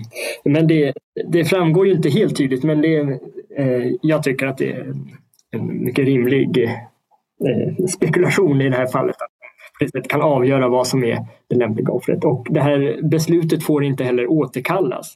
Och det tyder ju på att det kanske är just eh, gudomens utslag genom lotterna som har genererat eh, eh, vad som ska offras. Och så tar de då det här offret, det kan vara en kvinna eller en man eller ett djur ur deras eh, då egendomar. Man får anta att det är slavar då som, som de har. Och så hänger de det i en påle som de reser upp. Och så säger de uttryckligen att det här är ett offer till Gud. Står det enligt Ja, så att där är det ju ett, helt enkelt en samtida, ett samtida vittnesbörd som eh, omtalar det här som just, uttryckligen just alla definitioner av ett, ett offer helt enkelt. Just det här med, med hängningen i delen av den ritualen känns ju väldigt lätt att man vill koppla till att man har Oden ja, i eh, betänklighet här eftersom han är så kopplad till just eh, för det första offer, men även just den här hängningen, att han ja, men, den mytologiska berättelsen, att han, han hänger sig själv i trädet, världsträdet och så här. Det är klart, sådana paralleller har du ju säkert kanske också fått jobba med för att se, handlar det här om offer eller handlar det om en annan typ av rituell händelse eller bara rena mord? Liksom? Ja, absolut. Och just hängningen är ju en sån som verkar vara ganska tydligt rituellt eller Eh, ideologiskt förknippad med just eh, bland annat Oden. Men sen Adam av Bremen till exempel nämner ju också att eh, kropparna vid det här stora Uppsala högtiden, de hängs upp i den här heliga lunden som får sin helhet just genom att kropparna får hänga där och ruttna. Av förruttnelsen så bidrar det till, till platsens helighet. Så att Samtidigt som orden verkar ha en väldigt stark koppling just till, till hängningen som eh, avrättnings eller avlivningsmetod så verkar det här att offret ska, ska hängas upp, det ska synas, det ska exponeras eh, på kultplatsen. Det verkar också vara något som eh, kanske inte bara har bara med orden men ändå har något med, med just offerkulten egentligen är det ju ganska logiskt om man bortser från det här som vi tycker är helt eh, vidrigt att det då är en människa som ska hänga och ruttna på det sättet. Om man annars tänker att det skulle vara något, eh, en annan typ av fin, ja, men någon, eh, guld, eh, guldföremål, en stor guldhalskrage som man då förstår man ju kanske mer att ja, men den ska ju visas upp, den ska ligga på kultplatsen under en viss tid och sen i ett sekundärt skede någon gång så ska den deponeras i, i kanske en helig sjö eller liknande. Den har gjort sin roll i, i kulten när offret har utförts och det har fått exponeras under en viss tid och liksom bara fortsätta vara verkningsfullt under ett tag. Och sen ska den, nästa skede är att helt enkelt den kan inte ligga kvar för evigt utan den måste vidare lämna plats för nya offer och då lägger man ner den i en, som kanske en helig sjö till exempel. Och samma sak verkar man ha gjort med en del av de här äh, människooffren också. Man kan se att de har legat framme och gnagts av, av hundar och även alltså, män, människohuvuden som har helt enkelt gnagts eh, på olika sätt av hundar och djur. Och sen har man grävt ner dem eller lagt ner, sänkt ner dem i, i en, en sjö. Men det är, det är ju väldigt intressant för när vi pratar om offergåvor och människooffer i stort så tänker man ju direkt på den här äh, rituella, den här äh, religiösa aspekten. Mm. Men det är ju som du säger nu, det har ju säkert en väldigt stor politisk faktor naturligtvis. Att kunna göra den här maktdemonstrationen, att bara att du har råd och kan visa det, men även kanske vilka det är du offrar också, har ju säkert en väldigt stor betydelse. Så ja, det är klart, det måste man ju absolut komma ihåg. Mm, ja visst, att, och det, är, det är ju förstås eh, enorma påkostade offer. Och samtidigt som det är ett tillfälle att eh, få ens undersåtar att föra med sig då gåvor till en form av beskattning av befolkningen helt enkelt. Att de också får bidra till det här. Men, men eh, härskaren och kungen ska ju vara också givmild och eh, leva i ett överflöd så att, och då måste det, det visas upp. Men du Claes, alltså jag eh, märker ju att du har ju inte släppt äm ämnet än. Nej, nej, nej. nej. det, det, ja. Finns det mer att grotta ner sig i? Ja, absolut. Eh, det, det, det, finns mycket att, att göra och eh, det jag håller på med nu, min tanke framöver, det är att fördjupa ännu lite mer det arkeologiska och ta det ett lite vidare grepp och se till vad är det för typ av platser de här eh, människooffren, eh, spåren av människooffren dyker upp i. Vad är det för, för eh, var i landskapet eller i förhållande till olika andra saker som gränser eller eh, makt, eh, elitbosättningar och liknande. Var är det människooffren verkar ha utförts Så kan man hitta kanske andra platser, även om man inte hittat människooffren kanske man ändå kan se identifiera den här typen av, av platser där, där människooffer var en del av, av kulten helt enkelt. Och så, som sagt, nu har vi ju mycket pratat om Sverige och lite grann Danmark, men du har ju tittat lite på, i alla fall i din ja, avhandling, övergripande över hela Norden ja. har du ju. Ja, just. Eh, inte, inte Finland då, jag drog min gräns där i Östersjön får man nästan säga. För, för eh, dels så är det svårare att eh, komma in kanske i det finska eh, Eh, forskningsmaterialet om man inte kan läsa finska och så. Men annars så absolut, eh, i Norge så verkar det, det verkar vara en, stru, samma struktur i princip, den grundstrukturen i den fornnordiska kulturen eh, och religionen verkar ha varit likartad över, över hela det liksom, fornnordiska kulturområdet på det sättet. Ja men du Claes, Alltså, jag får tacka så hemskt mycket att du har i alla fall offrat din tid ja, ja. för, att få för att få prata med oss lite grann. Ja, det var väldigt kul. Kul att få vara med. Då får jag önska dig en fortsatt bra vecka. Men detsamma. Ja, och lycka till med, med resten av inspelningen. Här. Ha det så himla fint, är du. Ja, du med. Ha det fint. Hej då. Hej, hej.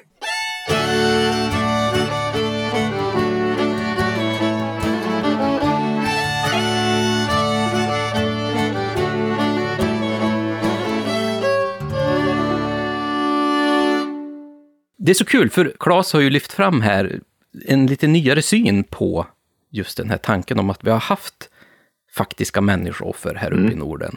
För vi inledde ju med det och sa att vi har ju väldigt mycket tvetydig information, eller det har varit i alla fall ett väldigt diskuterat ämne, om det har faktiskt skett här. Om det är bara en, en sägen eller en, ett sagoväsen som har vuxit fram, eller om det faktiskt är så att man har offrat eh, människorna här. Ja, jag tycker att det Claes har gjort i sin doktorsavhandling är ju att visa på att det med störst sannolikhet har verkligen förekommit människooffer här också. Och att de tidigare som har avfärdat det till stor del kanske har byggt lite grann på magkänsla eller annat, vad de har känt för, för då vill man inte gärna se att det har funnits sådana här gruvliga hemskheter i Norden. Men att man gärna då säger att det finns i andra länder. Så att man ser ju de där äh, ställningstagandena ibland och det är bra att det kommer en som kan kombinera arkeologiskt material med de skriftliga källorna för att det hade inte alls varit lika starkt om man hade utgått från bara det ena fältet. Utan det är när man kombinerar dem på det här sättet och som man visar på att det är med största sannolikhet har skett. Och särskilt med nyare fynd också som man kan ta in i diskussionen. Och jag kan verkligen rekommendera att läsa den här avhandlingen som är otroligt spännande läsning. Och den är väldigt svår att få tag i skriven bokform, tyvärr. Eh, men den går att läsa på, på nätet och vi kommer att länka till den i det här litteraturdokumentet som vi har på oknytt.com snedstreck podcast, tror jag det är.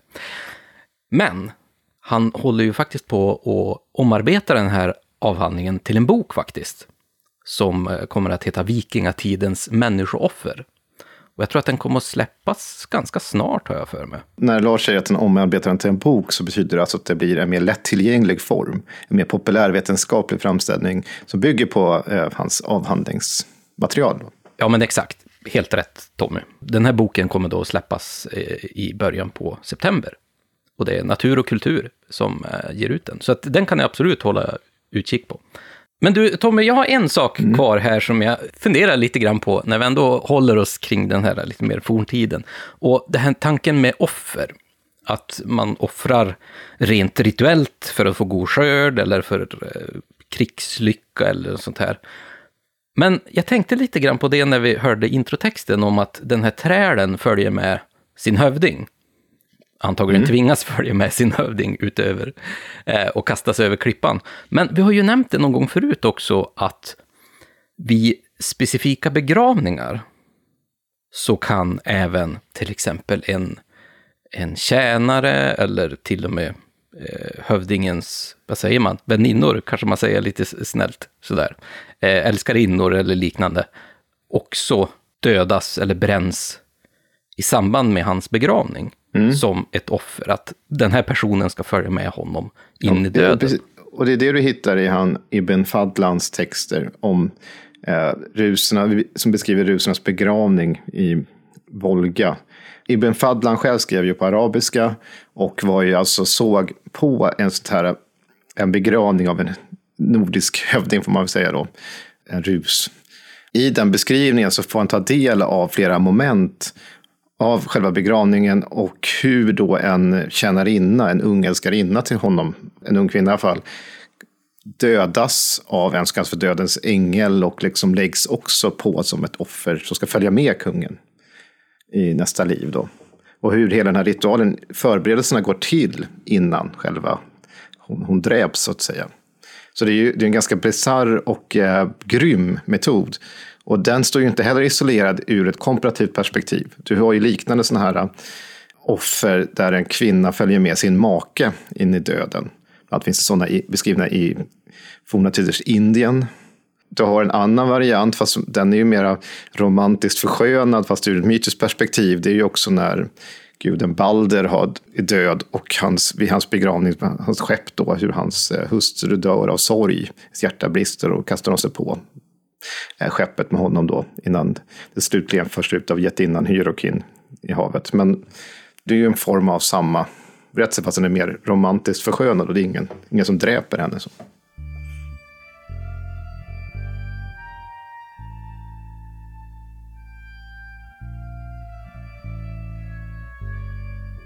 Ja, jag såg en sån där drakeld ja, i Storbergs ängsbacke.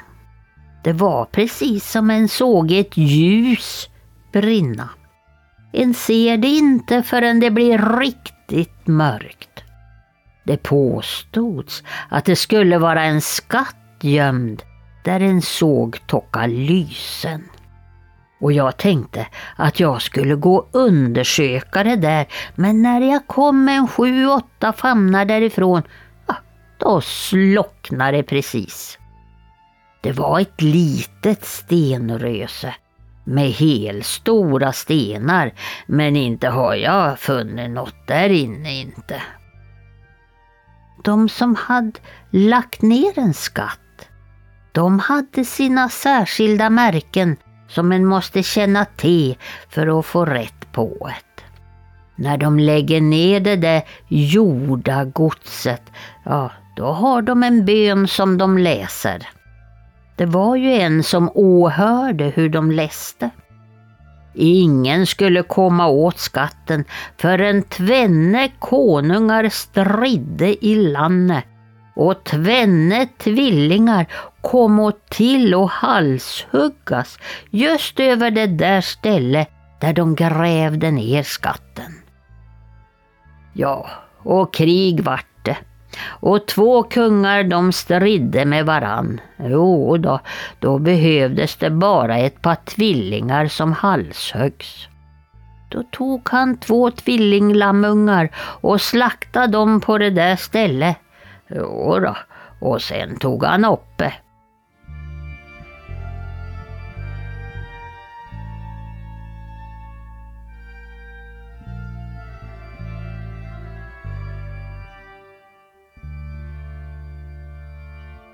Här fick vi höra om de här två tvillingarna som var tvungna att- dräpas och offras för att man skulle få komma åt någon form av skatt här.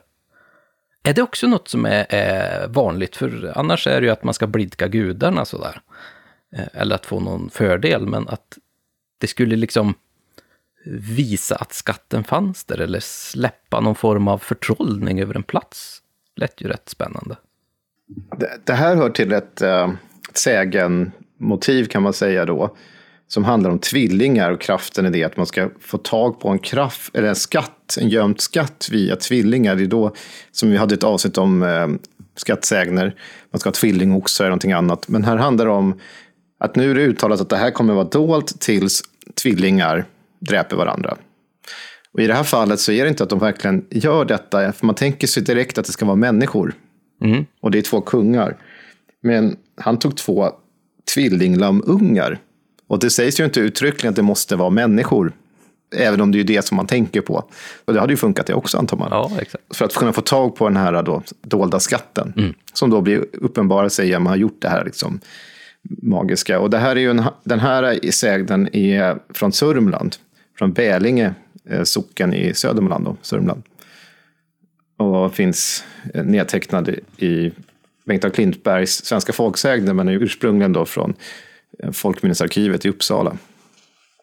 Men det är ju intressant eh, överlag med att många skattsägner har sådana här eh, temat på att man ska döda tvillingar, alltså att någonting åt det hållet. Och i berättelserna så skrivs det nästan fram som om att det ska vara människor man tänk, som man tänker på och avser. Men det går så att säga att lura eh, det här.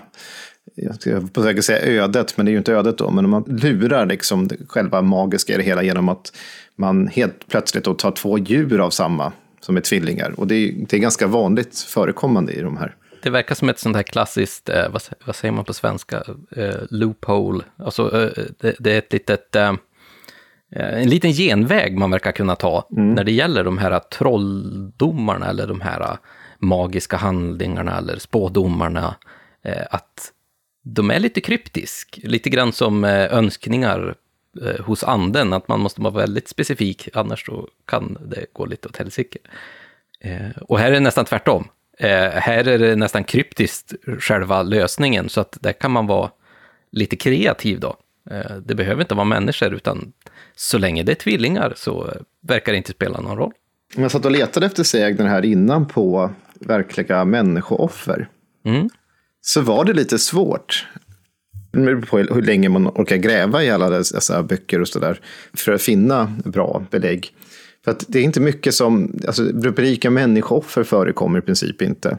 Däremot kan man ju hitta eh, beskrivningar som innehåller människooffer.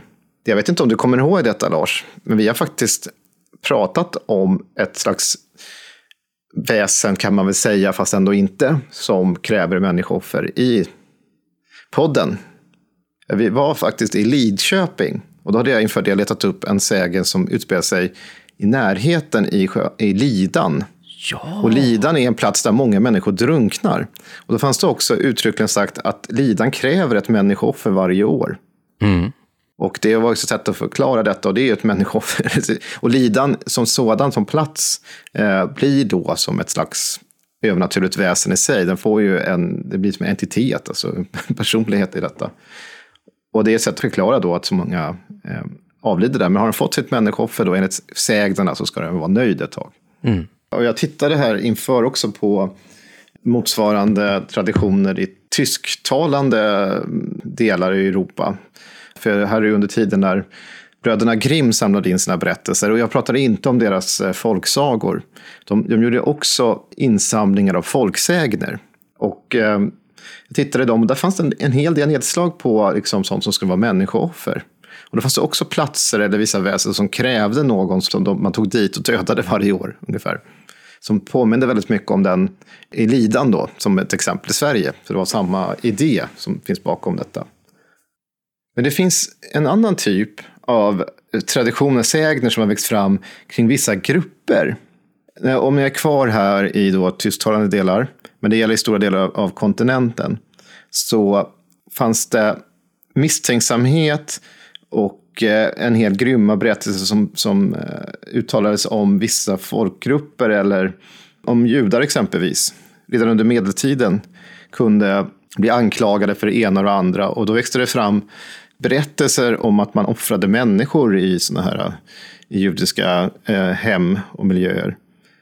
Och samma sägen-typ finns ju även här i Sverige, men det, då är det inte oftast judar som, stod, som då anklagas, utan då har man istället tittat på andra grupper som har, av allmogen uh, ansetts då märkliga och inte minst i borgerliga miljöer. Och det är då frimurare. För frimurarnas hemlighetsmakeri har gjort att man i de här grupperna, att man har då tänkt att de här, någonting sker här, någonting väldigt konstigt. Och det väldigt konstiga blir då det mest ultimata konstiga, det är att de offrar människor. Och jag vet att det finns en inläsning av Eva som handlar om frimurare här. Absolut, den ska vi ta och lyssna på. För just den här synen eller tanken på att den här gruppen håller ju dessutom sina förehavanden väldigt hemliga. Och du kan ju prata om det mesta öppet i samhället, men om du måste hålla den hemligt så måste det vara väldigt, väldigt speciellt. Väldigt, väldigt kanske, i det här fallet, mörkt. Vilket kanske leder då in till att de här måste ju nästan offra människor. De måste göra något exceptionellt i den här gruppen.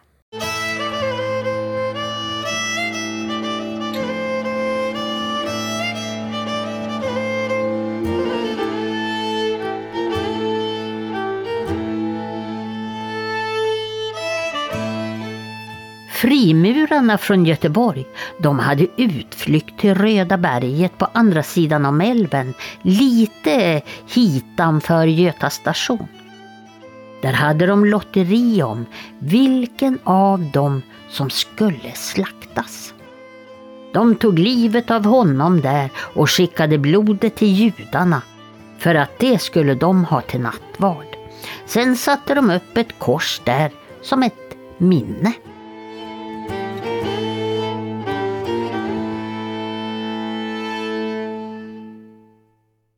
Det är ju det, så typiskt sån här berättelse då, att frimurarna från Göteborg ska ha gjort detta och de ska dra ett lott om vilka som ska slaktas. Och här har du ju sett hur de väver in också judar i detta. Att det här, det här offerblodet ska skickas till dem för de ska använda det i sin nattvard. Det här är ju en sägentyp som finns och det kan liksom appliceras då på en... Eh, dels, dels ser vi hur det anspelar tillbaka på de här kontinentala föreställningarna som är antisemitiska. Men också hur man här då eh, väljer ut frimurarna som den märkliga, nästan satanistiska gruppen man hittar i samhället. För att man vet ju ingenting om dem, man vet bara att det är hemligt och, och mystiskt och då, då blir det sådana här berättelser. Jag har en annan som jag kan läsa upp rakt upp och ner här som påminner lite grann om det här och det, den är från Värmland. Från eh, Svanskog i Värmland och då, då sägs det så här. Patron Uggla på Svaneholm var med frimurarna och jag minns att många var rädda för honom för det. Det tog alla som var feta. Jag vet att det inbillade fattighjonen det så att de inte vågade äta. Det fanns stackare som riktigt svälte sig så att de inte skulle bli tagna. Det feta slaktades och köttet skickades till vildarna. Så fick frimurarna mycket pengar för det. Jag vet att det fanns fruntimmer som sprang så mycket de orkade när det skulle förbi frimurarlogen. Här ser man, hör vi ju direkt att det är samma egentligen idé bakom det. Här pratar man om vildarna, det kan vara vad som helst då som man anser vara vildar. Men det är samma idé om att frimurarna är ute efter feta människor och slaktar dem. Ja, men det är ju verkligen lite eh, av en förlängning kring det här med att eh, de här äldre texterna till exempel skulle tolkas som att en lite mer svartmålning av nordborna, för att de är ju nästan någon form av barbarer och då är det klart att de också håller på med människooffer som är så fruktansvärt. Ja, de slaktar ju i sina möten. Det är det som folk har trott här. Jag har ytterligare en, ska ändå, när vi ändå är inne på frimurare, så ska jag ta ytterligare en berättelse. Och det här är då från Nyskoga, också i Värmland. Då får vi höra så här. Farmor talade om att hon hade varit ute för frimurare i Karlstad på en marknad. Hon kom in med smör i ett hus där. Då såg hon att det hade som en balja innanför i rummet. En dödskalle såg hon och så var det en stor kniv och röda skynken. En kar kom och skulle gå till dörren. Men då kastade hon smöret och fick upp dörren och sprang ut. Hon vågade inte tillbaka och få betalt för smöret. Hon hade blivit tagen då, sa hon, så hade de tagit livet av henne och skickat henne till turken med hull och hår. Så liknande eh, föreställningar, och här är det istället turkar som man har vävt in i berättelsen. Mm. Men man hör också hur frimurarna föreställs här är ju som en slags satanistisk sekt som ju inget vill hellre än att ta tag i oskyldiga människor och slakta dem, offra dem. Och då får man ju anta att man menar till djävulen. Och så skickar de då till någonting annat som är en grupp som då anses vara mystisk och negativ. Om det så är vildar, eller om det är judar eller om det är turkar så har man liksom vävt in det i samma berättelse. Då. Men man, man, får ju tänka lite grann utifrån befolkningens syn att här finns det en organisation som inte är den, är inte det kyrkan som resten av befolkningen befinner sig i, utan det här är någon form av grupp andra människor som har speciella platser, man vet att de har specifika ritualer på sina möten och det är väldigt, väldigt hemligt. Det är bara vissa personer som får komma in i det här, kanske även ganska högbordna personer som bara får komma in i det här, eh, rika i samhället eller som har liksom, viktiga positioner. Vilket gör att det här blir en väldigt hemlig grupp och de måste ju pyssla med någonting väldigt hemskt eftersom de inte kan pyssla med det i liksom, det kristna samfundet på något sätt. Då är det självklart människooffer vi pratar om, som, sysslar, som de sysslar med. Ja, men absolut. Bakom lås och bom. Sen är det ju också allmogens berättelser. De flesta som ingår i frimurare är ju, kommer ju kanske inte från landsbygden där vi har berättelser insamlade heller, utan de möter de här personerna eller hör talas mm. om det, så det blir ju en väldigt konstig gång. Det man har hört talas om negativt på landsbygden mera, det är ju snarare prästerna då. Eller kanske sådana som har det lite bättre än andra. Men det är inte ofta man hör att de har eh, människooffer. Man känner ju ändå till prästen bättre än vad man känner till en frimurare. Det är alltså liksom ett klassproblem det här med människooffer uppenbarligen. Det, det, är de högre i samhället som får pyssla med det. Ja, och då reagerar de. Ja, klasskonflikter hade du ju redan i för, förkristen tid. Ja. Man reste, reste sig mot kungen och skulle offra, den, offra honom för att han inte... Så att det var så dålig gröda under det här året. Vissa saker förändras aldrig.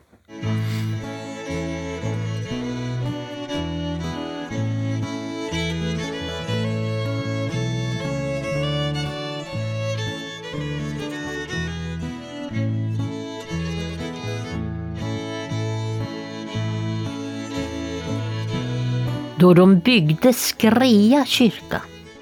Då var det bestämt att de skulle begrava den första som kom och så kom det en pojke. Och då sa de till honom att om han gick ner i hålet så skulle han få en smörgås. När pojken kommit ner då grävde de över honom och då skrek han och sa att de kastade jord på hans smörgås. Och så fick kyrkan heta Skria för att pojken skrek. Men sen har de ju ändrat det till Skrea.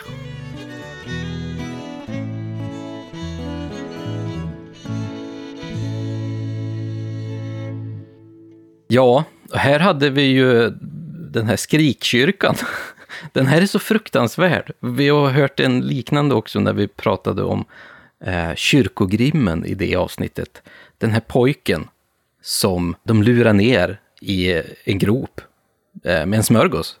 Och så bara begrav de han levande. Och jag misstänker också här då att det är för att det ska finnas någon form av offer som ska skydda den här platsen då? Det, det lustiga i den här uh, halländska sägnen från Skria i Halland, det är att vi egentligen inte får veta så mycket. Det här är ju ett sätt att bara förklara Skria, socknen heter så, kyrkan heter eh, så. Eller här heter egentligen heter Skria, som senare ändrades till Skria. Så det här har man alltså knutit an en sägen-typ som vi annars förknippar framförallt med eh, digerdöden Jaha. till den här kyrkan. Ja, ja, ja. Och det är lite oklart varför. Förutom att, och sen har vi ju en första partiet här som handlar om att man hade bestämt att den första, man ska begrava den första som kom Eh, på, till den här platsen när man har byggt kyrkan. Och då är vi inne på kyrkogrimtraditioner. Ja, det är det jag tänker också. Det, det låter så himla bekant. Precis, och det, hade vi ju, det har vi också haft ett avsnitt om. Det känns, nu har vi gjort så mycket avsnitt så kan man hänvisa tillbaka till de gamla. Men för det är också det att det första som byggs när man ska upprätta en kyrka på platsen, så ser man det första levande som kommer dit, eh, ska man döda och begrava. Och ibland är det en människa. Oftast är det ett djur som kommer dit. Men det finns några fåtal som berättar om människor som har dödats och sen spökar på kyrkogården som en kyrkogrim, alltså en slags väktare över kyrkan. Som ser till att tjuvar och sånt inte kommer dit. Men just den här halländska skria, då, då är det snarare bara ett, en sägen som förklarar själva ortnamnet. Som vi förmodligen inte alls har någonting med skrik att göra. Men du nämner ju här digerdöden. Varför offrar man människor för digerdöden? Pest eller digerdöden, alltså de här stora farsoterna som sveper över och dödar människor huller om buller utan att man riktigt begriper hur det går till.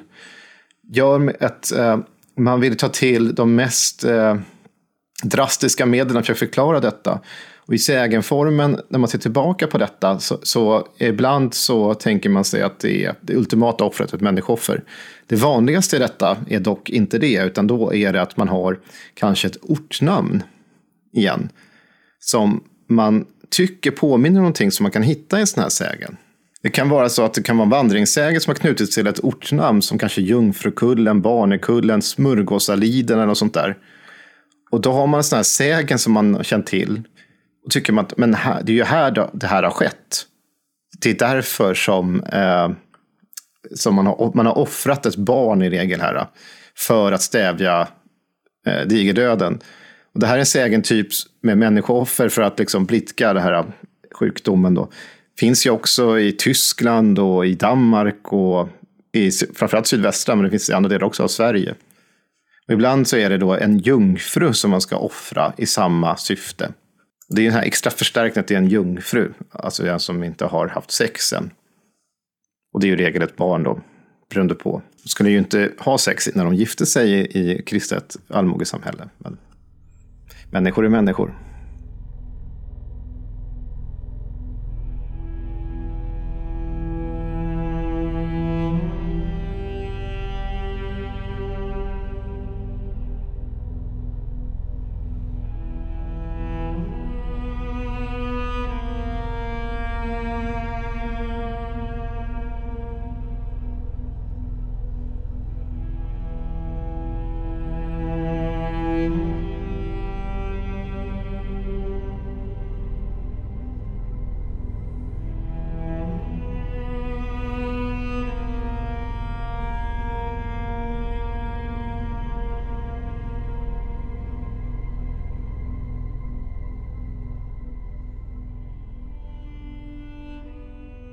Vid en svår farsot.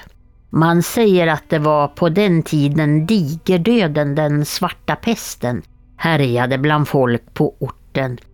Då grävde man en grop i en sandbacke på Brohults ägor och så gav man en liten flicka en god smörgås att äta och befallde henne att stiga ner i gropen.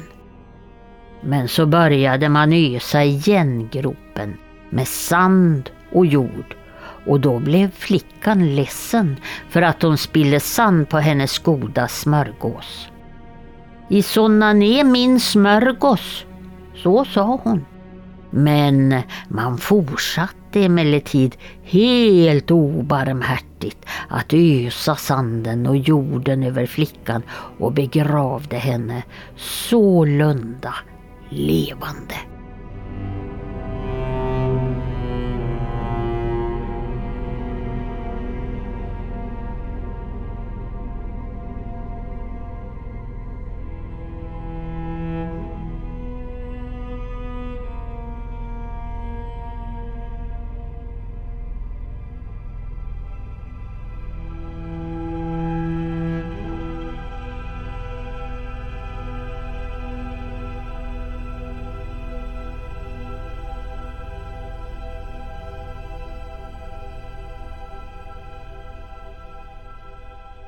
Och här hör vi ju en väldigt förskräcklig berättelse ifrån eh, Småland här.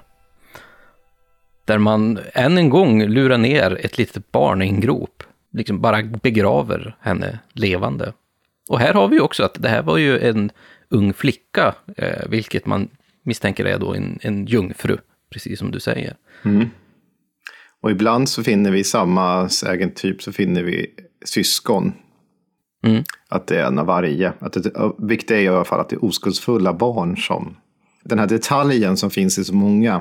Att de klagar att det kommer smuts eller jord på deras smörgås. Att de först blir glada för att de får den här belöningen. Och sen börjar man skyffla bara jord över dem när de sitter, sitter levande där i gropen. Eh, och så klagar de över detta innan de senare dödas. Men då, det här är typiskt då i sägenform såklart, ett eh, offer. Tanken är då att eh, därmed så ska pesten, digerdöden, eller vad det farsoten man har, upphöra. Det ska inte längre plåga orten. Och överlag finns det extremt mycket, eller en hel del sägner i alla fall, om eh, pesten och, som ju tar, sig fram på landsbygden och ibland personifierad som en, som en, liksom, en äldre kvinna som har liksom en so, sopkvast och en räfsa och sen så ibland så skeppar hon över ett vatten och då måste hon med. Och sen så det brukar ställa en fråga om man ska sopa eller räfsa. Och säger man sopa, då dör hela bygden. Men räfsar man, då är det precis som om man räfsar med en riktig räfsa. Då är det några som överlever. Så det finns många sådana här varianter och sen ett sätt för att få det här, den här kraften då, hotfulla kraften att försvinna, det var det ultimata offret. Det var människor och särskilt barn. Men jag kan ju lugna många lyssnare nu kanske att det här tycks ju vara åtminstone typisk folkdiktning. Det finns inga tecken på att man har i även 1800-1700-talet Sverige offrat eh, småbarn och gett dem smörgåsar och kastat jord på dem. Det, det finns inget som helst belägg förutom den här berättelsen som i sig är så stark så den, den får ju fäste bara därav. Att den är lätt att sprida. Det är en, är en berättelse som, som fäster sig. Och särskilt detaljer med smörgåsar. Mm. Nej, det blir ju väldigt tydligt i och med att vi ser eh, en liknande berättelse återkomma eh, i olika situationer. Eh, så att det finns en hel del sägen, sagoaspekt i det här. Men med det sagt så kan vi väl faktiskt lyssna på en till här. Ja, vi, vi förflyttar oss ifrån Fryde i Småland upp mm. till Dalarna så får vi höra hur man har berättat liknande sägen därifrån.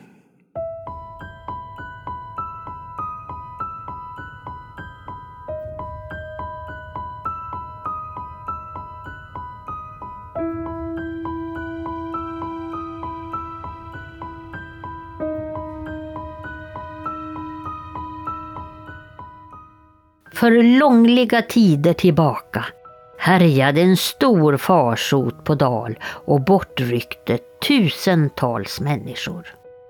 Folket flydde till skogs eller flyttade åt andra trakter. Kyrkorna stod öde och de kvarvarande räckte ej till att begrava sina döda. Då kom det en fingubbe till trakten och han sa att ingen bättring var att hoppas på förrän en dalboane satte någon kvick i jord. Rådet åtlyddes. Först begravdes en tupp, men farsoten fortfor att rasa lika våldsamt som förut. Därefter nedgravdes en get men ändock ville farsoten ej upphöra. Till sist lockades en fattig pojke som gick omkring och tiggde upp till en skogsbacke. Ja, det var där Daleborgsån utfaller i Vänern. En djup grav grävdes och pojken fick en smörgås att äta. När gropen var djup nog sattes pojken ner i gropen. De närvarande skyfflade igen graven så fort som möjligt. Pojken tiggde och bad att de ej skulle kasta mull på hans smörgås, men spadtagen föllo allt tätare och inom några ögonblick var pojken levande begraven. Huruvida farsoten upphörde, det är inte bekant. Men mången som nattetid går igenom den omnämnda skogsbacken vid Daleborgsån, de hör, liksom stämman av ett döende barn som kvider. Kvick i jord, kvick i jord, Kvick i jord, kvick i...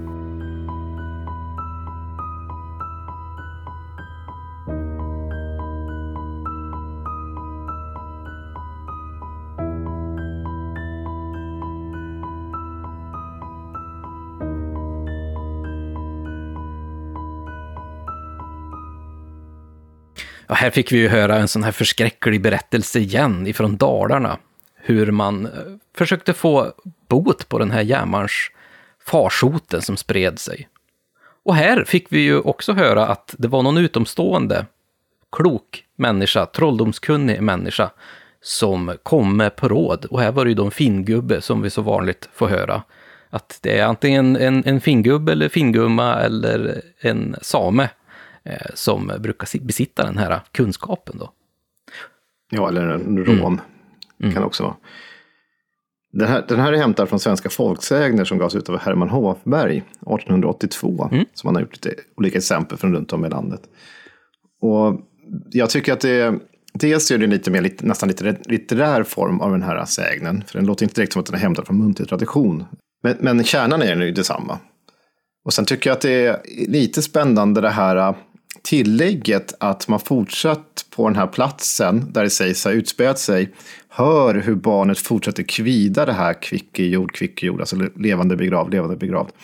Eh, för att det påminner om en annan säge, typ om ett väsen som då myling, alltså en mördat barn som vill alltså uppmärksamma på den platsen där den har blivit dödad, att den är, där den är begravd. Så det här är ett samma motiv som har tillförts den här sägnen då, fast nu handlar det om digerdöden i det här fallet. Men det är fortfarande ett dött barn som kvider det här. Ja, men visst. Och det låter nästan lite grann som en form av spökberättelse, lite grann, för att mm. skrämma folk på något sätt. I och med det här lilla tillägget också. Och så den litterära tonen som du säger, att den är liksom väldigt utstuderad för att den ska låta väldigt bra. Jag kan tänka mig också att sådana platser, en del platser som har sådana här berättelser knutna till sig, hör man någonting på vinden eller någonting annat som låter, då är det väldigt lätt att tolka in det som ett ljud, kanske till och med att man hör, tycker sig höra några ord eller någonting. Och det är ändå ett människooffer kan man i det här fallet, för att det är ju fortfarande en levande människa som man i sägnens form här väljer att begrava på den här platsen. Och nu har man till och med fått en fingubbe som har sagt åt dem att göra detta. Och nu om det funkar eller inte, det får man ju inte veta, men det vet man ju sällan om, för i vilket fall. Men att man då öser på den här jorden och ett barnet blir levande begravd. Mm. Det är ganska hemskt sätt att dö på. Ja, verkligen. Speciellt om din sista måltid är en smörgås. Ja, man får mull på den också. Alltså ja, skräp ja, på smörgåsen. Oh, hemskt, hemskt, hemskt, hemskt. Men du Tommy, vi kanske ska avsluta den här lilla sektionen med sjukdomar där man offrar eh, till någon, uppenbarligen, för att bli av med de här sjukdomarna och farsoterna. För sen skulle jag vilja gå in lite mer på den här sägenspunna eh, ättestupan som vi mm. pratade om här i början. Men vi kan lyssna på den här sägnen ifrån Västergötland.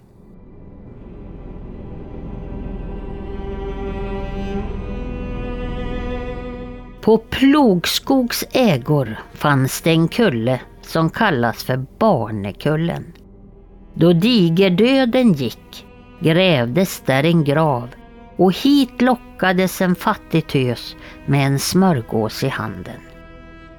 Då de började kasta på jord, då grät tösen för att det kom jord på hennes smörgås. Men de var många att häva på jord så hon tystnade snart. Denna tösen skulle begravas levande för det troddes hejda dikedöden.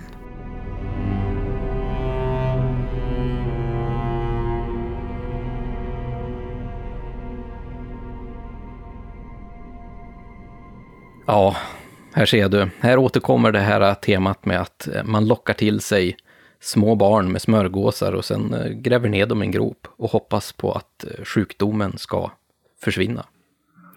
Ja, och inte nog med det. Det är ju också ytterligare en, alltså en av de här som berättar om hur en plats har sitt namn. Den här kommer från socknen Eriksberg, men platsen som de pratar om är Barnekulle. Och det här tänkte man sig då i sägenform, det kanske var för att det här hade skett där. Och det passar ju bra ihop med det här namnet på platsen som Barnekulle, att det är ett barn som har begravts levande där. Vet du, Tommy, jag är väldigt, väldigt glad att vi fick fram ett vaccin här när vi hamnade i den här covid-härvan som vi har varit Tänk om vi skulle börja hålla på med det här istället. Ja, nej, men det här med digerdödsägner är ju fascinerande. Jag tycker att faktiskt någon gång så ska vi göra ett avsnitt om pesta, och, alltså som begrepp. och som folktro kring farsoter kanske. Som ett eget ämne, för det finns faktiskt en hel del att berätta där. Och då kan du dra dina osmakliga skämt om pågens försäljning av bröd när man ska stävja detta. ja, ja nej, det, precis. Eh, det, ni kanske inte hörde det här, men eh, det, jag, ibland kan jag eh, dra ganska svarta skämt här, in, inser jag. Men det får vi leva med. Men du, på tal om svarta skämt. Det här med den här sägenomspunna äldrevården som vi hade en gång i tiden. Mm. Som är ju ganska debatterad om det faktiskt har funnits. Du, vill, och, får jag bara säga en sak om det, medan du är det? Mm. Att en som gjorde den här väldigt känd, som drog en parallell mm. med äldrevården, det var faktiskt Ivar Lo Johansson. Jaha. Ja, han använde det politiskt, men det är frågan om han ens gång visste vad ättestupan innebar. Nej, det är helt sant. Helt sant. Än en gång så kan man ju vara glad över att eh, den moderna tiden har andra eh, sätt att ta hand om saker. Mm. Men du, ättestupor. Vi har pratat om det lite grann här inledande. Eh, och nu har vi gjort en loop från början till slutet igen. Det här ättestupor, många av oss har hört om att det är något som har funnits. Eh, och också koppling att det var här gamla människor eh, blev utsparkade eller även på eget bevåg kastade sig ut över en klippa för att inte vara till last för samhället på något sätt. Eh, idag har vi ju pension eh, där man kan få fortsätta och ha det bra, förhoppningsvis. Men här var det bättre för samhället att inte bli en last då, som jag förstår. Ja, precis. Det, det pratas om sånt. Det finns, alltså grejen är att vissa av de här eh, diskussionerna har man ju knutit tillbaka till antiken. Det finns ju eh, meddelanden Pomponius Mela som sagt av skyterna, så, äh, att de kastar sig i havet när de blivit gamla. Och en annan som heter Prokopius skriver om att herulerna då ska, att de slog sig ihjäl och brändes när de blev gamla.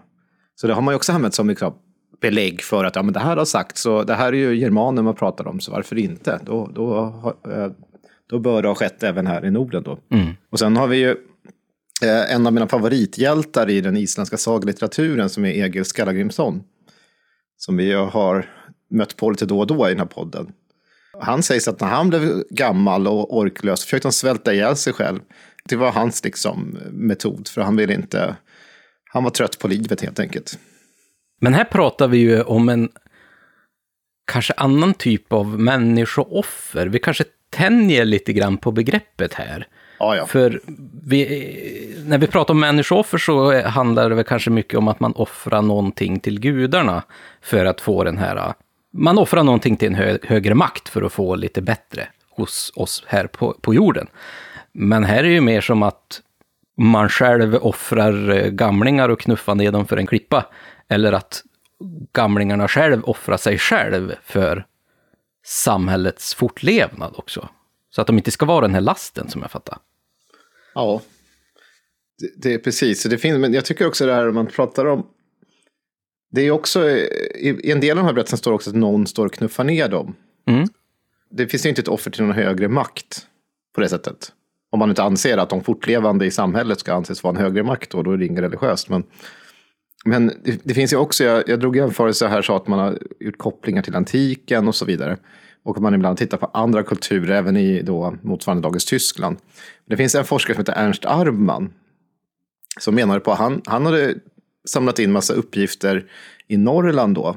Alltså yngre uppgifter från folktraditioner. Och han menar på att samerna har också gjort liknande saker. Olika ritualer, alltså dränkningar i vak, eh, akkafärd utför ett stup. Eller inspärrning i en ihålig trädstam, menar han då som att den här seden då ska vara känd för, för islänningarna som då ska ha tyckt att den är fascinerande. Men här tycker jag ju att återigen att man utgår ifrån att nej, men det här kan ju inte ha skett bland nordborna utan då måste den ha kommit från samerna för att vi tycker inte om den här traditionen. Ungefär. Det där är ju väldigt intressant för jag vet inte om du har varit till någon form av eh, ättestupa. Eh, vi har ju många platser runt om här i landet där det sägs att det har varit en ättestupa.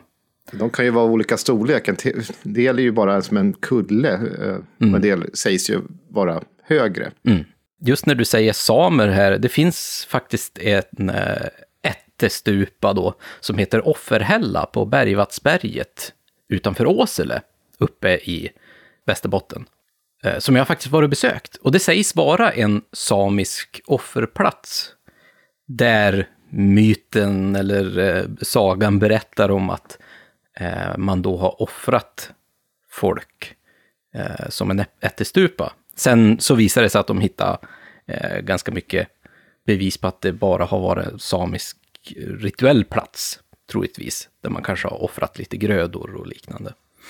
Men eh, det är väldigt intressant är att det kopplas då till att det är de här andra som har pysslat med det här. Ja, och då är vi tillbaka på, då kan vi dra direkt en parallell till där vi pratar om frimurare. Mm. För det är hela tiden de andra oavsett vilka de är som det här ska sändas till, om det då är judar eller om det är turkar eller om det är vildarna som det stod.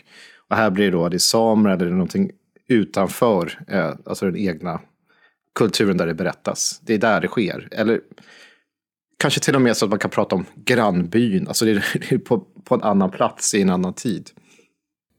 Och sen är det ju så att många av de här ättstuporna som vi har runt i landet. Du, du nämnde det kan vara en kulle eller liknande, men det finns ju många platser också som är de här riktigt jättehöga, branta stupen.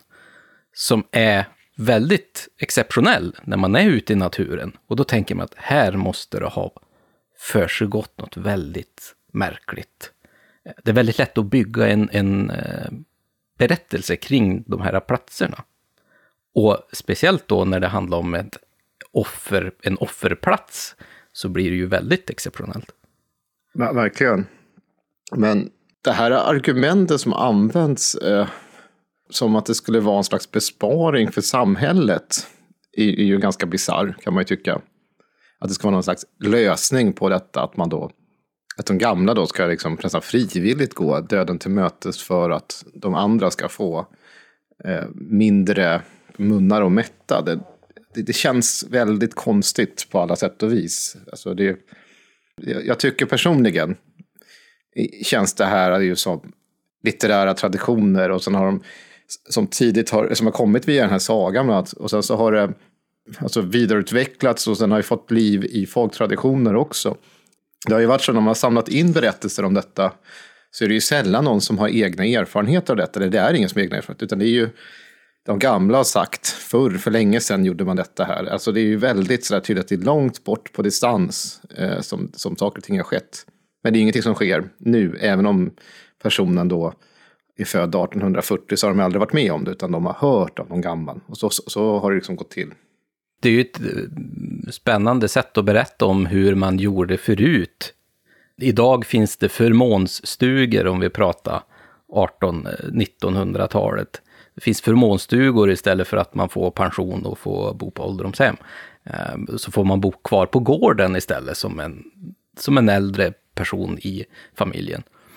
Men förr i tiden, då sparkade man ut gamlingarna över en hälla istället. Ja, eller knuffa ner personer mot sin vilja. Mm. Och då är det ju ett... Men det, precis, och det här är ju att vi tänjer ju på offersymboliken, för det är ju inte egentligen ett offer då, utan Nej. Men jag tror som sagt inte att det här har skett. Utan däremot tror jag människooffer som har riktat sig till gudar, till en gudomlig makt, har däremot skett.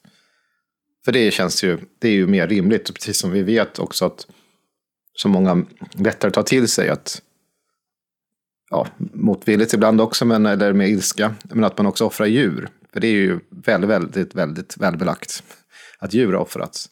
Och vad tänker man sig nästa steg i, i den här hierarkin? Ja, men det är såklart människan. Och går man ännu högre upp, då är det till som leder en grupp människor. Och då är det ju kungen. Som finns i isländska sagor. Men djur och människor i viss mån. Och kanske motståndare, fiender, trälar kan offras i gudarna.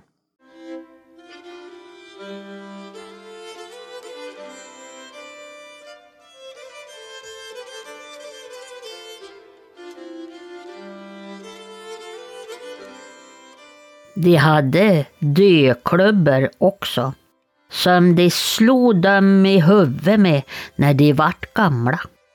De yngre där i släkte hade de klubban när de gick på vargaskall. När de gamla vart 80 år och varken hörde eller såg något, Då slog de ihjäl dem, för det var ju ont efter födan. Ja, de gamla, det var ju med på det. Sagesmannen är skräddaren Deinhoff, född 1839 i Kettilstad socken.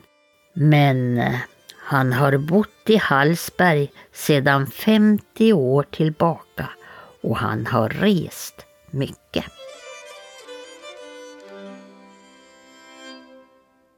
det är ifrån Östergötland så fick vi höra en annan sorts äldrevård som inte innebar en stor klippa där man knuffade ner de äldre, utan här var det en klubba som man slog i huvudet på, på de äldre och de var ju faktiskt med på det här.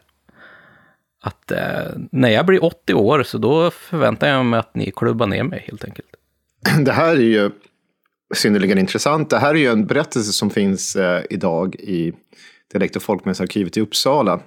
Den här tillkom så att det var en forskare som jobbade då som hette Gunnar Granberg. 1931 så hade han rest runt i Hallsberg i Närke och så träffade han en 92-årig man som var uppvuxen i samma plats som Granberg själv kommer ifrån, i Östergötland. Då.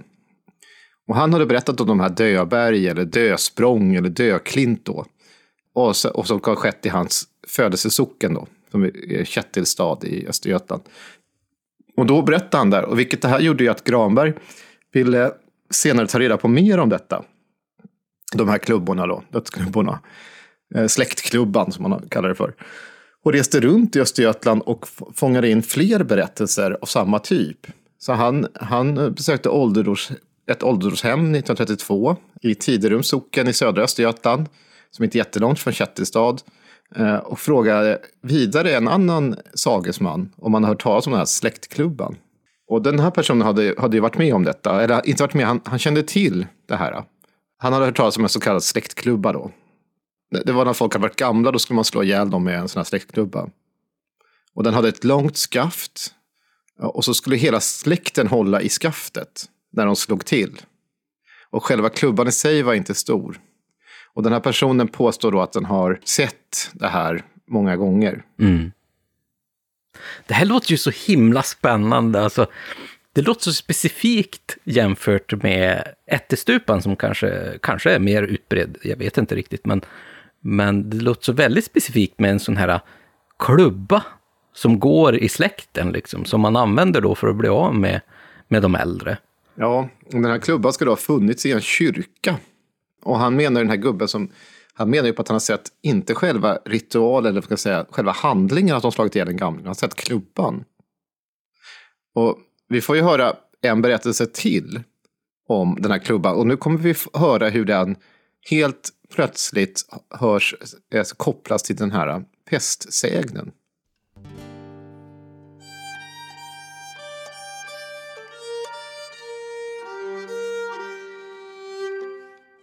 Det var en sån där pest som gick.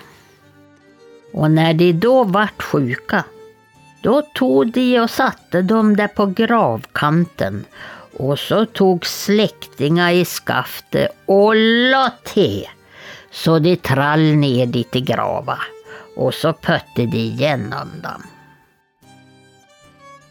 Sagesman är torparen Johan Nilsson, född 1847 i Tiderums socken och han har bott där i hela sitt liv.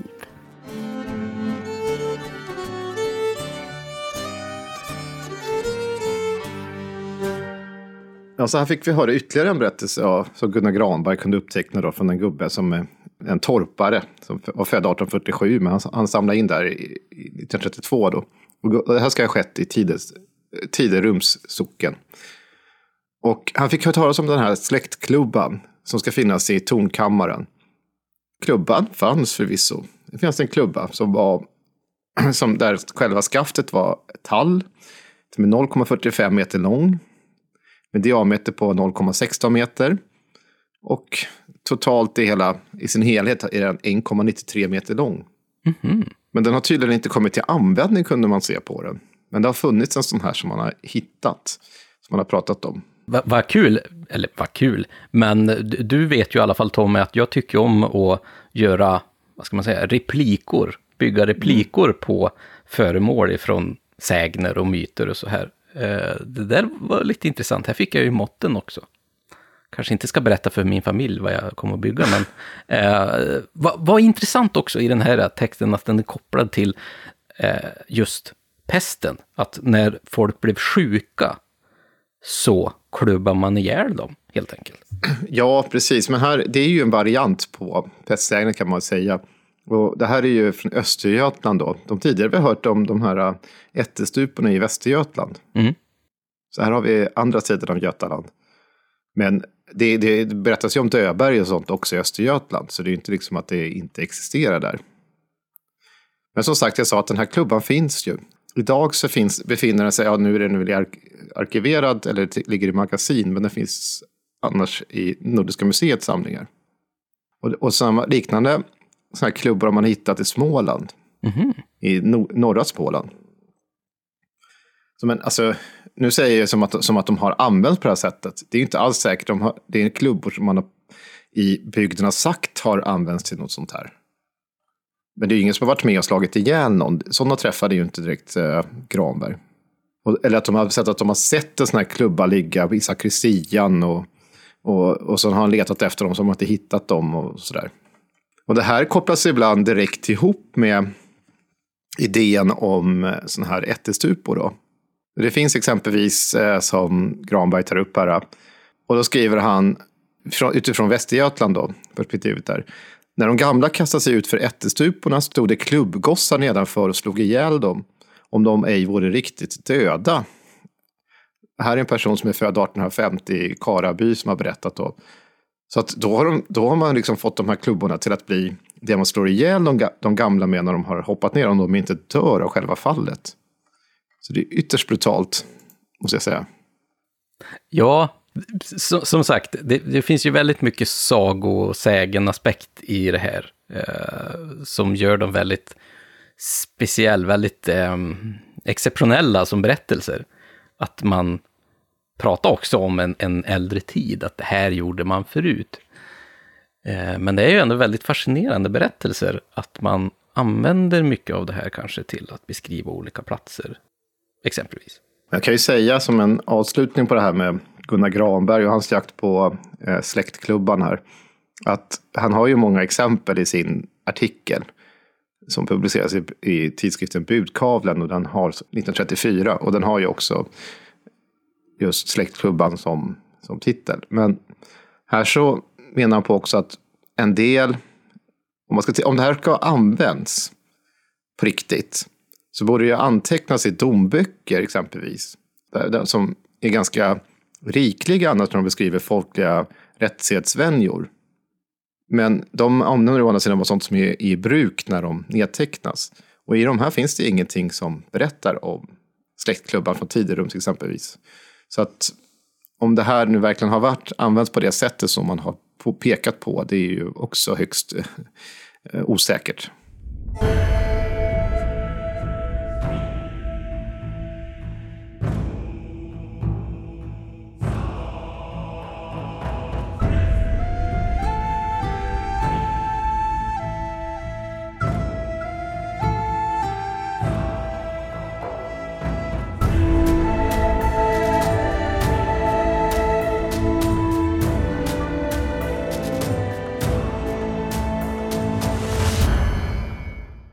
Vi börjar ju gå till vägs ände här i det här avsnittet. Eh, vi har ju inte rotat tillräckligt djupt för att kanske hitta mer exempel på människooffer. Men jag tänker så här, för att du och jag Lars, vi ska ju bege oss till eh, vårt grannland Danmark mm. i sommar. På en liten resa. Och eh, man har ju tyckt det ena och det andra om danskar här i Sverige. och några som har bevarat traditioner och berättelser om vad man tycker om Danmark och inte minst kung Valdemar. Mm. är ju gotlänningarna. Ja, just det. Och då ska vi få höra en liten berättelse om vad som sker, vad Valdemar sysslade med på Gotland. Det har en viss anknytning där.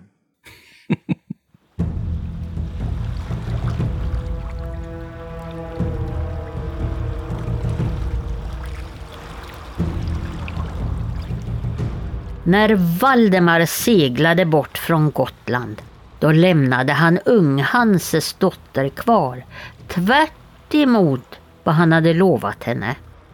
Gotlänningarna började snart ana att de hade haft en förrädare bland sina egna.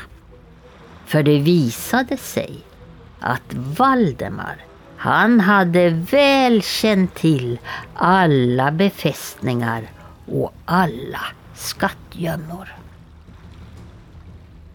Man satte igång en undersökning och fick snart reda på att under hela ofredstiden hade en vit duk fladdrat över Unghanses gård och att den genom en överenskommelse med Valdemar hade blivit skonad från all plundring.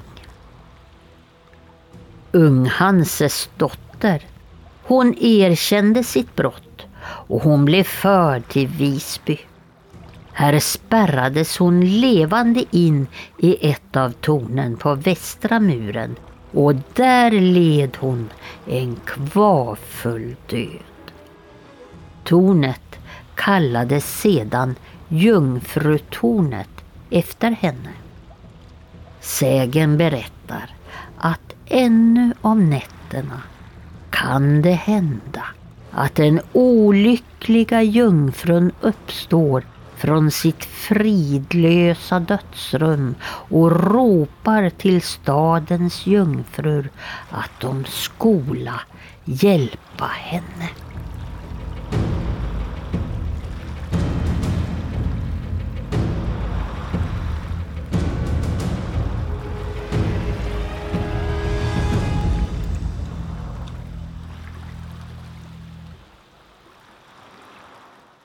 Ja, här får vi ju höra en uh, liten berättelse om den här skräckfyllde Valdemar. Kung Valdemar är från Danmark. Och Valdemar är ju inte direkt populär, eller var inte på Gotland med tanke på hans härjningar där. Och vi mm. har ju blodbad och sånt där som utspelat sig just som en, ett led i när han anföll. Anföll Visby som blev ju en massaker kan man säga då. Inte minst då för att kanske Visbyborna inte öppnade upp för soldaterna utanför utan lät de, de var stängt och hjälpte aldrig till som det var utlovat. Så jag, jag har ju själv bott på Gotland en del av mitt liv och gick i skola och så där. Men eh, jo, nej, Valdemar är ju inte kanske den mest populära kungen. Vilket så många danska kungar inte har varit i Sverige under äldre tid. nej. Men snart åker vi dit och, och hoppas att vi blir hjärtligt bemötta av danskarna. Ja, och jag tror att när vi kommer till Danmark så då får vi säkert höra om eh, många svenska kungar som inte har varit så väldigt trevliga också. Finns det sådana? vi kanske ska ha, eh, kanske ska ha ett avsnitt om skräckkungar också. Det, det blir nog tre, fyra timmars avsnitt. Men här tänjer vi ju såklart också lite grann på det här begreppet människooffer. Ja. Eh, men här i handlingen så handlar det ju om att man det här är ju nästan som ett slags mord på ett sätt. Men samtidigt, man kan säga att man offrar henne för att hon har gjort det här eh, hemska som att hon förrådde ju hela eh, ön i stort sett. Ja, och det här med att man blir inmurad är ju också ett motiv som vi finner från eh, flera olika håll. Att eh, oftast en jungfru som blir inmurad någonstans. Som liksom ett straff. Och så dör hon ju där inne. Hon svälter ju ihjäl helt enkelt. I det här fallet, liksom inte ovanligt, är att den här jungfrun då eh, spökar efteråt. Mm. Vi har ju båda varit, fast i olika sammanhang, nere i, jag ska inte säga Danmark, utan i Skåne, södra Skåne, eh, i Glimmingehus. Du var ju där med Oknytt, mm. hade en utställning. Vi missade ju varandra för jag var där och föreläste om skräckväsen och sånt där. Och då sov jag över där. Då har jag läst på med massa berättelser om spöksägner och sånt knutna till Glimmingehus. Och mycket riktigt fanns det ju en om en inmurad jungfru även där också. Det hade också med danskar att göra, förrädare. Så det är samma sägermotiv som vi finner även knutet dit. Men det finns ju från andra håll också. Men apropå det så, vad jag väntade på och hoppades på, för att det var ju liksom med skräckblandad förtjusning man sov över mitt i natten, eller ja, det är ju såklart mitt i natten om man sover över, men att jag sov över i Glimmingehus, eh, det är ju att jag hade fått se spökhönan med sina kycklingar. Mm. Det finns ju faktiskt en berättelse om en sån också. Eh, det fick jag tyvärr inte se. Jag såg inga spökhöna med kycklingar. vi, vi var ju där under dagen också, så då fick vi inte riktigt se någon, någon spökkyckling heller. Men vi fick höra mycket om den, de spökerier som sker runt Glimmingehus. Åh, vi måste åka till Glimmingehus någon gång och få Ja. prata också. Det, det måste vara jättekul. Jan, jag vet att du lyssnar på oss eh, och jag vet att vi har pratat om det här. Vi ska ta och göra ett besök hos er någon gång i framtiden. Här. Jan var för övrigt med i vårt avsnitt om säga. Ja, Jo, men den här berättelsen som vi fick höra nu från Gotland. Mm. Eh, den, är- den är då ifrån John Niléns Sagornas ö, Sägner och sagor från Gotland. Kan vara bra säga. Det är en trevlig bok om man vill ha lite gotländska berättelser också. Och i- jag tänkte det också, ja men eh, muras in där i, det är ju ändå i skyddsmuren liksom, i tornet där. Och det är klart, det kanske blev någon form av skyddande faktor där då, över staden Visby, kanske. I och med att den här jungfrun blev, ja, på ett sätt offrad för, eh, för det onda hon hade gjort då. Jungfrutornet. Tänk på det när ni besöker Visby. Jag tänker på om vi ska knyta ihop säkert lite grann, eller ja, det är ju alltid svårt. Och jag vet, jag, jag är glad att ibland att vi sitter på avstånd och spelar in på distans. För att vad Lars inte har berättat här, det är att han, när jag föreslog ämnet människooffer, det första han gör, det är att springa iväg och göra en offerkniv. Alltså, han fixar en egen offerkniv som han med stor besatthet tillverkar. Ja men, Och nu sitter ju han i Övik som och jag är nere i Uppsala, så att jag känner mig Mm. ganska besparad den här gången. Men du ska inte vara så säker nästa gång. Jag fick faktiskt, jag fick faktiskt väldigt mycket skit för att jag skrev i vår fantastiska eh, Facebookgrupp eh, Eftersnack att eh, jag skulle offra ditt liv för vår fortsatta kunskap. Eh, Det var inte populärt. Då blir det inte så mycket till podd sen. Men eh, jag kan, jag kan lova er nu här eh, och heligt att jag kommer inte att offra Tommys liv för vår kunskap. Eh, Det är faktiskt fel tid på året. Men vi kanske som sagt ska knyta ihop säcken lite grann och vi brukar ju alltid prata om människooffer, jag på att säga. Vi brukar ju alltid prata om populärkultur, eller den här riktiga moderna tiden som vi hamnar i, där vi använder mycket sagor och sägner och myter för på något sätt ren underhållning eller för inspiration till att skapa konst och så här. Men då har jag en. Du har en här, för nu ska vi prata om människooffer här då. Ja, ja. Va, va, vad har du för bra exempel här? Nej, men jag har ju en som hamnar ihop med vad jag pratat om i alla fall. Mm. Eh, I den här filmen som heter Midsommar. Som kom Mm. för, jag vet kommer inte hur många år sedan det var nu, inte så många år sedan. Jag tror att den, eh, jag skrev ner det, eh, 2019 tror jag den släpptes. 2019, okej, ja för den sägs ju utspela sig i Hälsingland. Mm. Men de är ju aldrig och filmar i Sverige. Så att det kan man ju säga vad man vill om. Men hur som helst så får man ju se utifrån ett par turisters ögon. Den här äh, midsommarfirandet då, svenska. Och en av delarna de upplever i den här filmen är just en ättestupa. Ja, just det. Så de har vävt in en ättestupa i sin berättelse som är inspelad i, vart är den inspelad någonstans? Kroatien? Nej? Jag minns inte riktigt. Ungern? Nej, jag, kommer minns att jag nämnt det där Ja, en gång någonstans, förut. Någonstans men... på kontinenten och inte i Sverige i alla fall. Nej, precis. Och jag vet att just den här Midsommar har, kanske inte i Sverige blivit sådär jättepopulär som en skräckfilm, men jag vet i alla fall att den utomlands har den varit väldigt spännande på grund av att man har lyft, eller tack vare kanske man ska säga, att de har lyft upp liksom, svensk tradition och förvrider den till det här skräcktemat på något sätt. Även om det är väldigt mycket som inte stämmer då. Men eh, det är rätt intressant. En annan sak. Får jag, ja, vänta, får, får jag bara Mm. hoppa in där in- innan du kommer ifrån det ämnet? Som du brukar säga, men jag brukar ha skrivit om saker och ting som du vet. Ja, Jag har skrivit om det här. nej vad kul, just det. Eh, det finns faktiskt på nätet för den som vill läsa.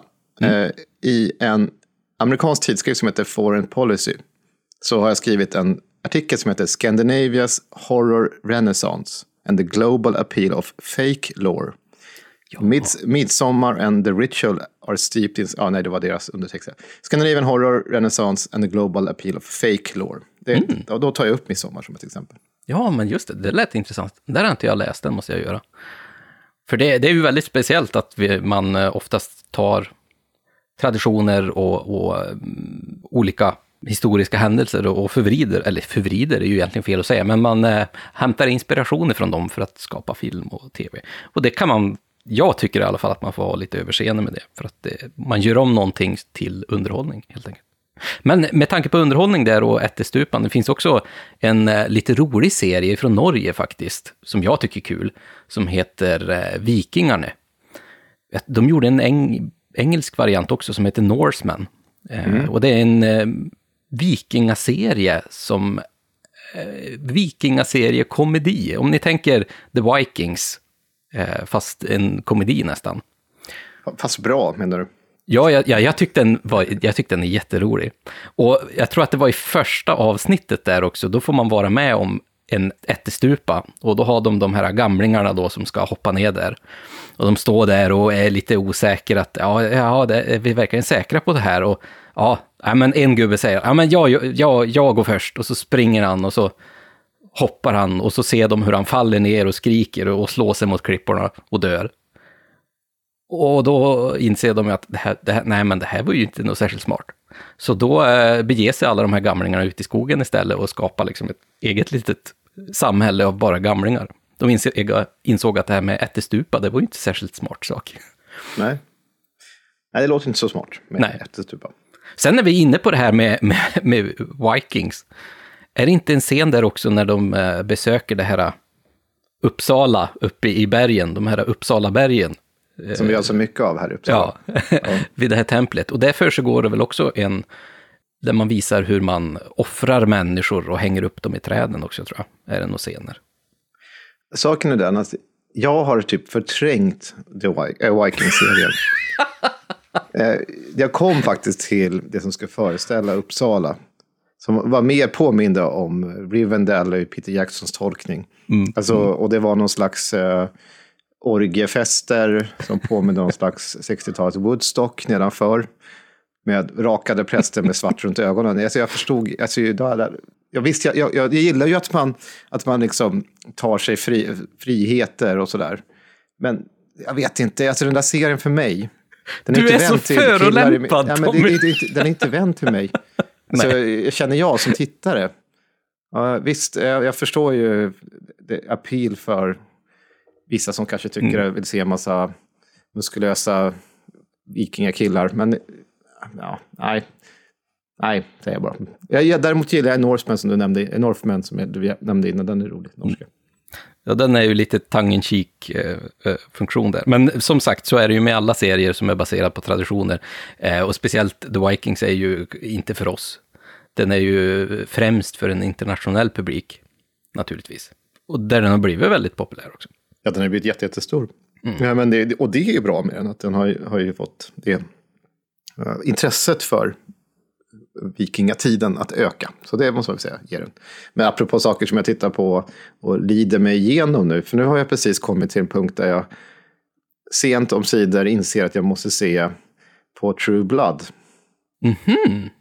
Ja, och jag kommer Vä till... Vänta, varför då? Va, ja, men jag känner att det, den, den liksom nämns och det, det är ja, ju ja. varulvar och det är vampyrer ja, och jag vet inte allt vad det är i den. Och det var ju småkul sådär en säsong. Sen har det tagit fyra. Mm. Så att det, ja, jag vet inte, det är ju... Är det inte den serien som har en hel del eh, spin-offs också, tror jag? Jag tror, inte vad jag vet. Det är ju... Är det inte någon som heter Bloodlines? Är inte det någon med typ eh, varulvarnas... Eh... Ja, skitsamma. Det här, det här jag har inte heller sett, jag har inte heller sett hela den. Det är ditt område, hör jag. Nej, det är definitivt inte. Så kanske Twilight, det är, det är vampyrernas egna lilla spin-off. Mm. Ja, vi, vi kanske ska släppa det här med populärkulturen och eh, olika offer av eh, människorna. Men alltså, ja, fast å andra sidan så är ju människooffer i filmvärlden är ju väldigt vanligt. Mm. Om vi går tillbaka till sägnen vi hörde om frimurarna. Den typen av scener ser man jämt i filmer som handlar om satanistkulter. För det är samma idé om att någon ska dras in och offras till djävulen blir det då. Men det är samma motiv som vi finner i muntliga berättelsetraditioner långt tillbaka. så långt tillbaka som till medeltiden till och med, eller ännu äldre när vi har, är nere på när det handlar om ren antisemitism eller om andra grupper, att det är de utanför som hela tiden blir då utsatta, de som man tycker är mystiska, annorlunda, beter sig på ett sätt, annorlunda sätt och då börjar man tillskriva dem, den grupperna, en massa hemskheter.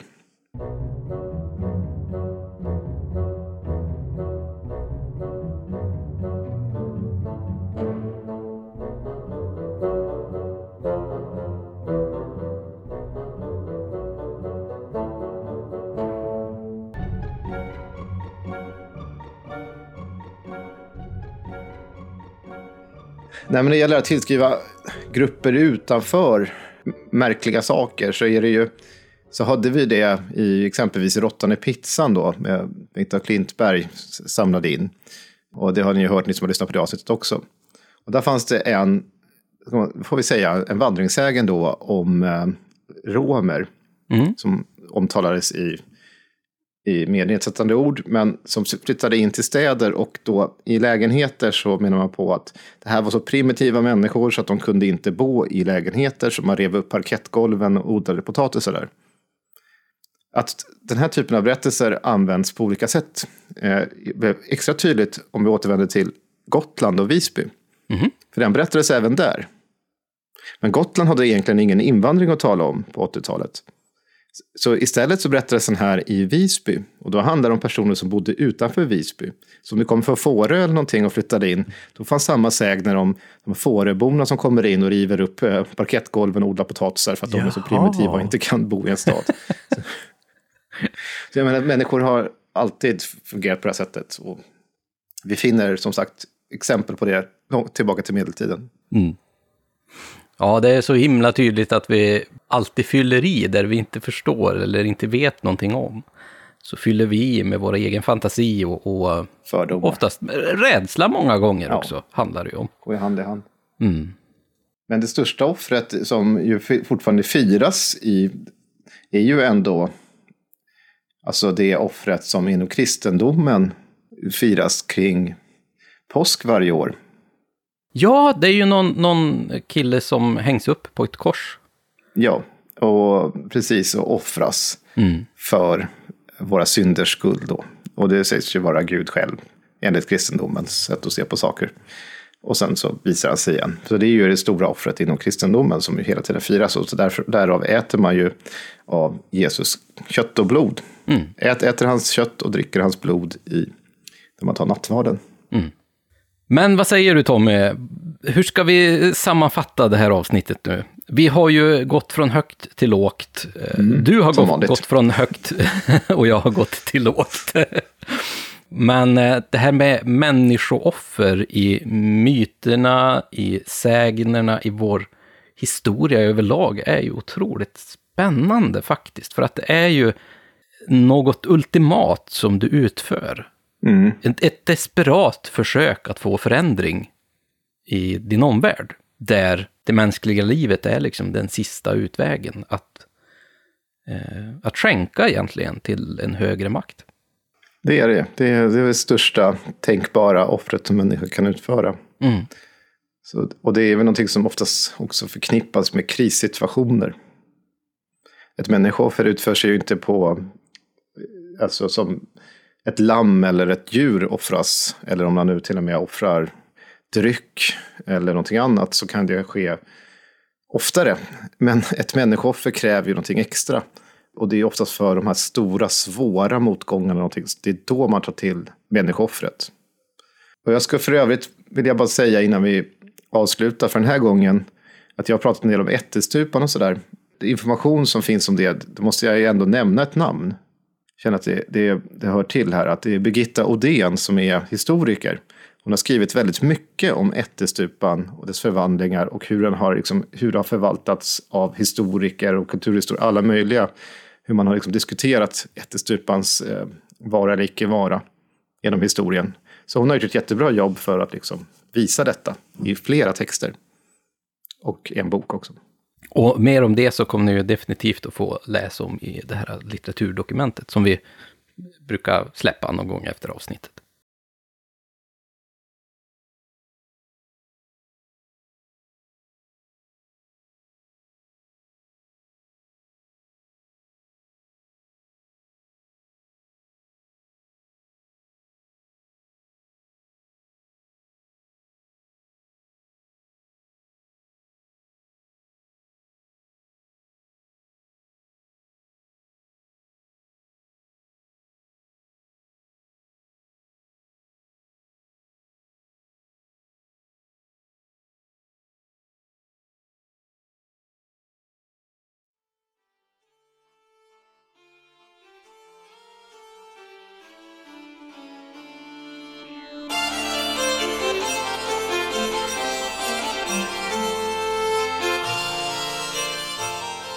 Ja, men vad säger du Tommy? Nu har vi offrat en eh, eftermiddag.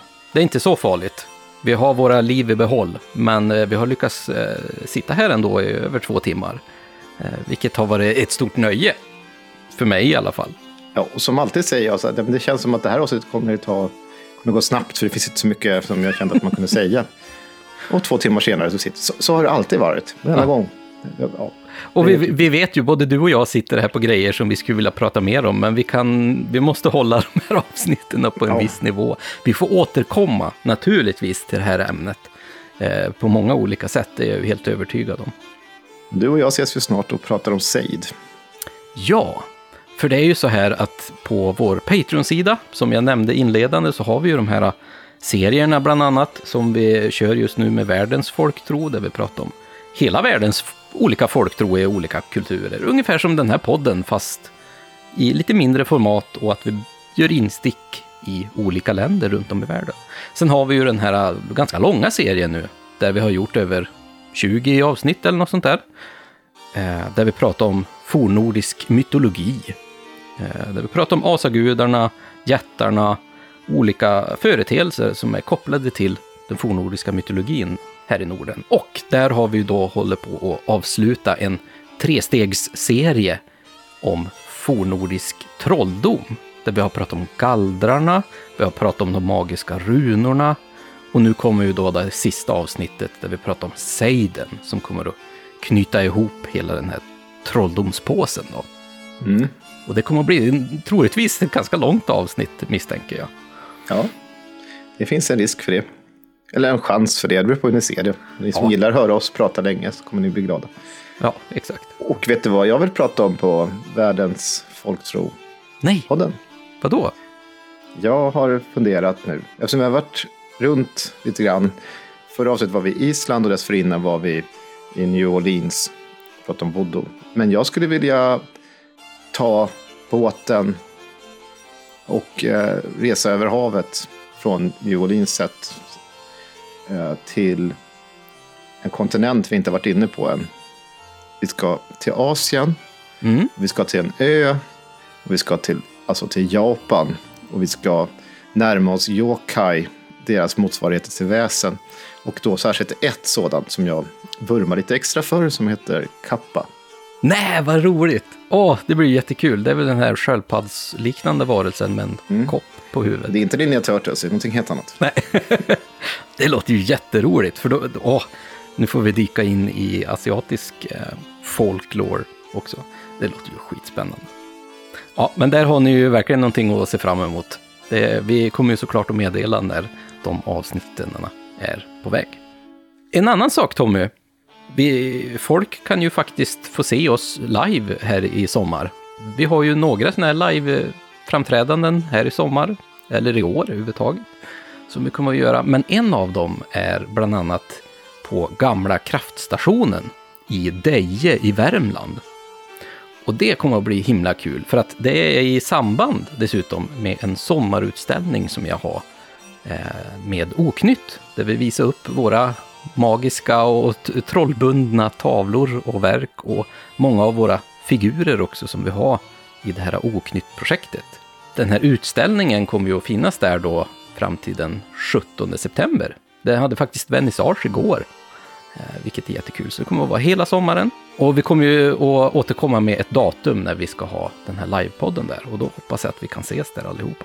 Kanon. Men vi är ju bara såklart glada om ni bara vill lyssna på oss. Och vill ni se lite nyheter ifrån oss lite nu och då så kan ni absolut följa oss på våra sociala medier. Där vi heter Oknytt Sverige, både på Facebook och Instagram. Och Tommy heter ju Suttungsbrew på Instagram. Så att, eh, tycker jag absolut att ni kan eh, gå in och följa oss där, för där släpper vi ju alltid nyheter om allt möjligt egentligen. Men oftast som är kopplat till den här podden då. Och sen har vi den här härliga gruppen som jag nämnde också, när man talar om trollen eftersnack. Där vi har ett ganska eh, hjärtliga samtal och vi skämtar mycket med varandra och pratar om avsnitten och om podden i övrigt. Vilket är väldigt kul. Ja, vad säger du Tommy? Ska vi säga tack och hej för den här gången då? Nu ska man få njuta av lite ledighet. Ja, men gud vad skönt. Åtminstone två dagar. Lördag, söndag nu blir det. Ja, vad härligt. Det, det ska jag göra också. Eh, Mm. Jag tror faktiskt att jag ska, jag ska göra fler knivar. Mm, du får inte ta med dem till Värmland bara. Nej, nej, nej, nej, nej, nej. Du tänkte när vi ses nästa gång nu. Mm. Det kan jag inte lova. Vi får se vilken tid på året det är. Ehm, men eh, Tommy, du får i alla fall fram tills dess så får ha det så fantastiskt härligt. Och även så, som vanligt, stort tack till Eva också. eh, Som läser in de här berättelserna. Det, det är lätt att jag glömmer bort det och jag, jag, jag skäms lite grann. För Eva gör ett sånt fantastiskt stort jobb eh, med att skriva i ordning de här texterna och eh, läsa upp dem på ett sätt som bara hon kan. Men Tommy, ha det så himla fint då. Så Ha hörs fint. vi nästa gång. Hej då. Hej då! Podden produceras av Oknytt Nordisk Folktro och Mytologi och intromusiken är komponerad av Mark Jungerman.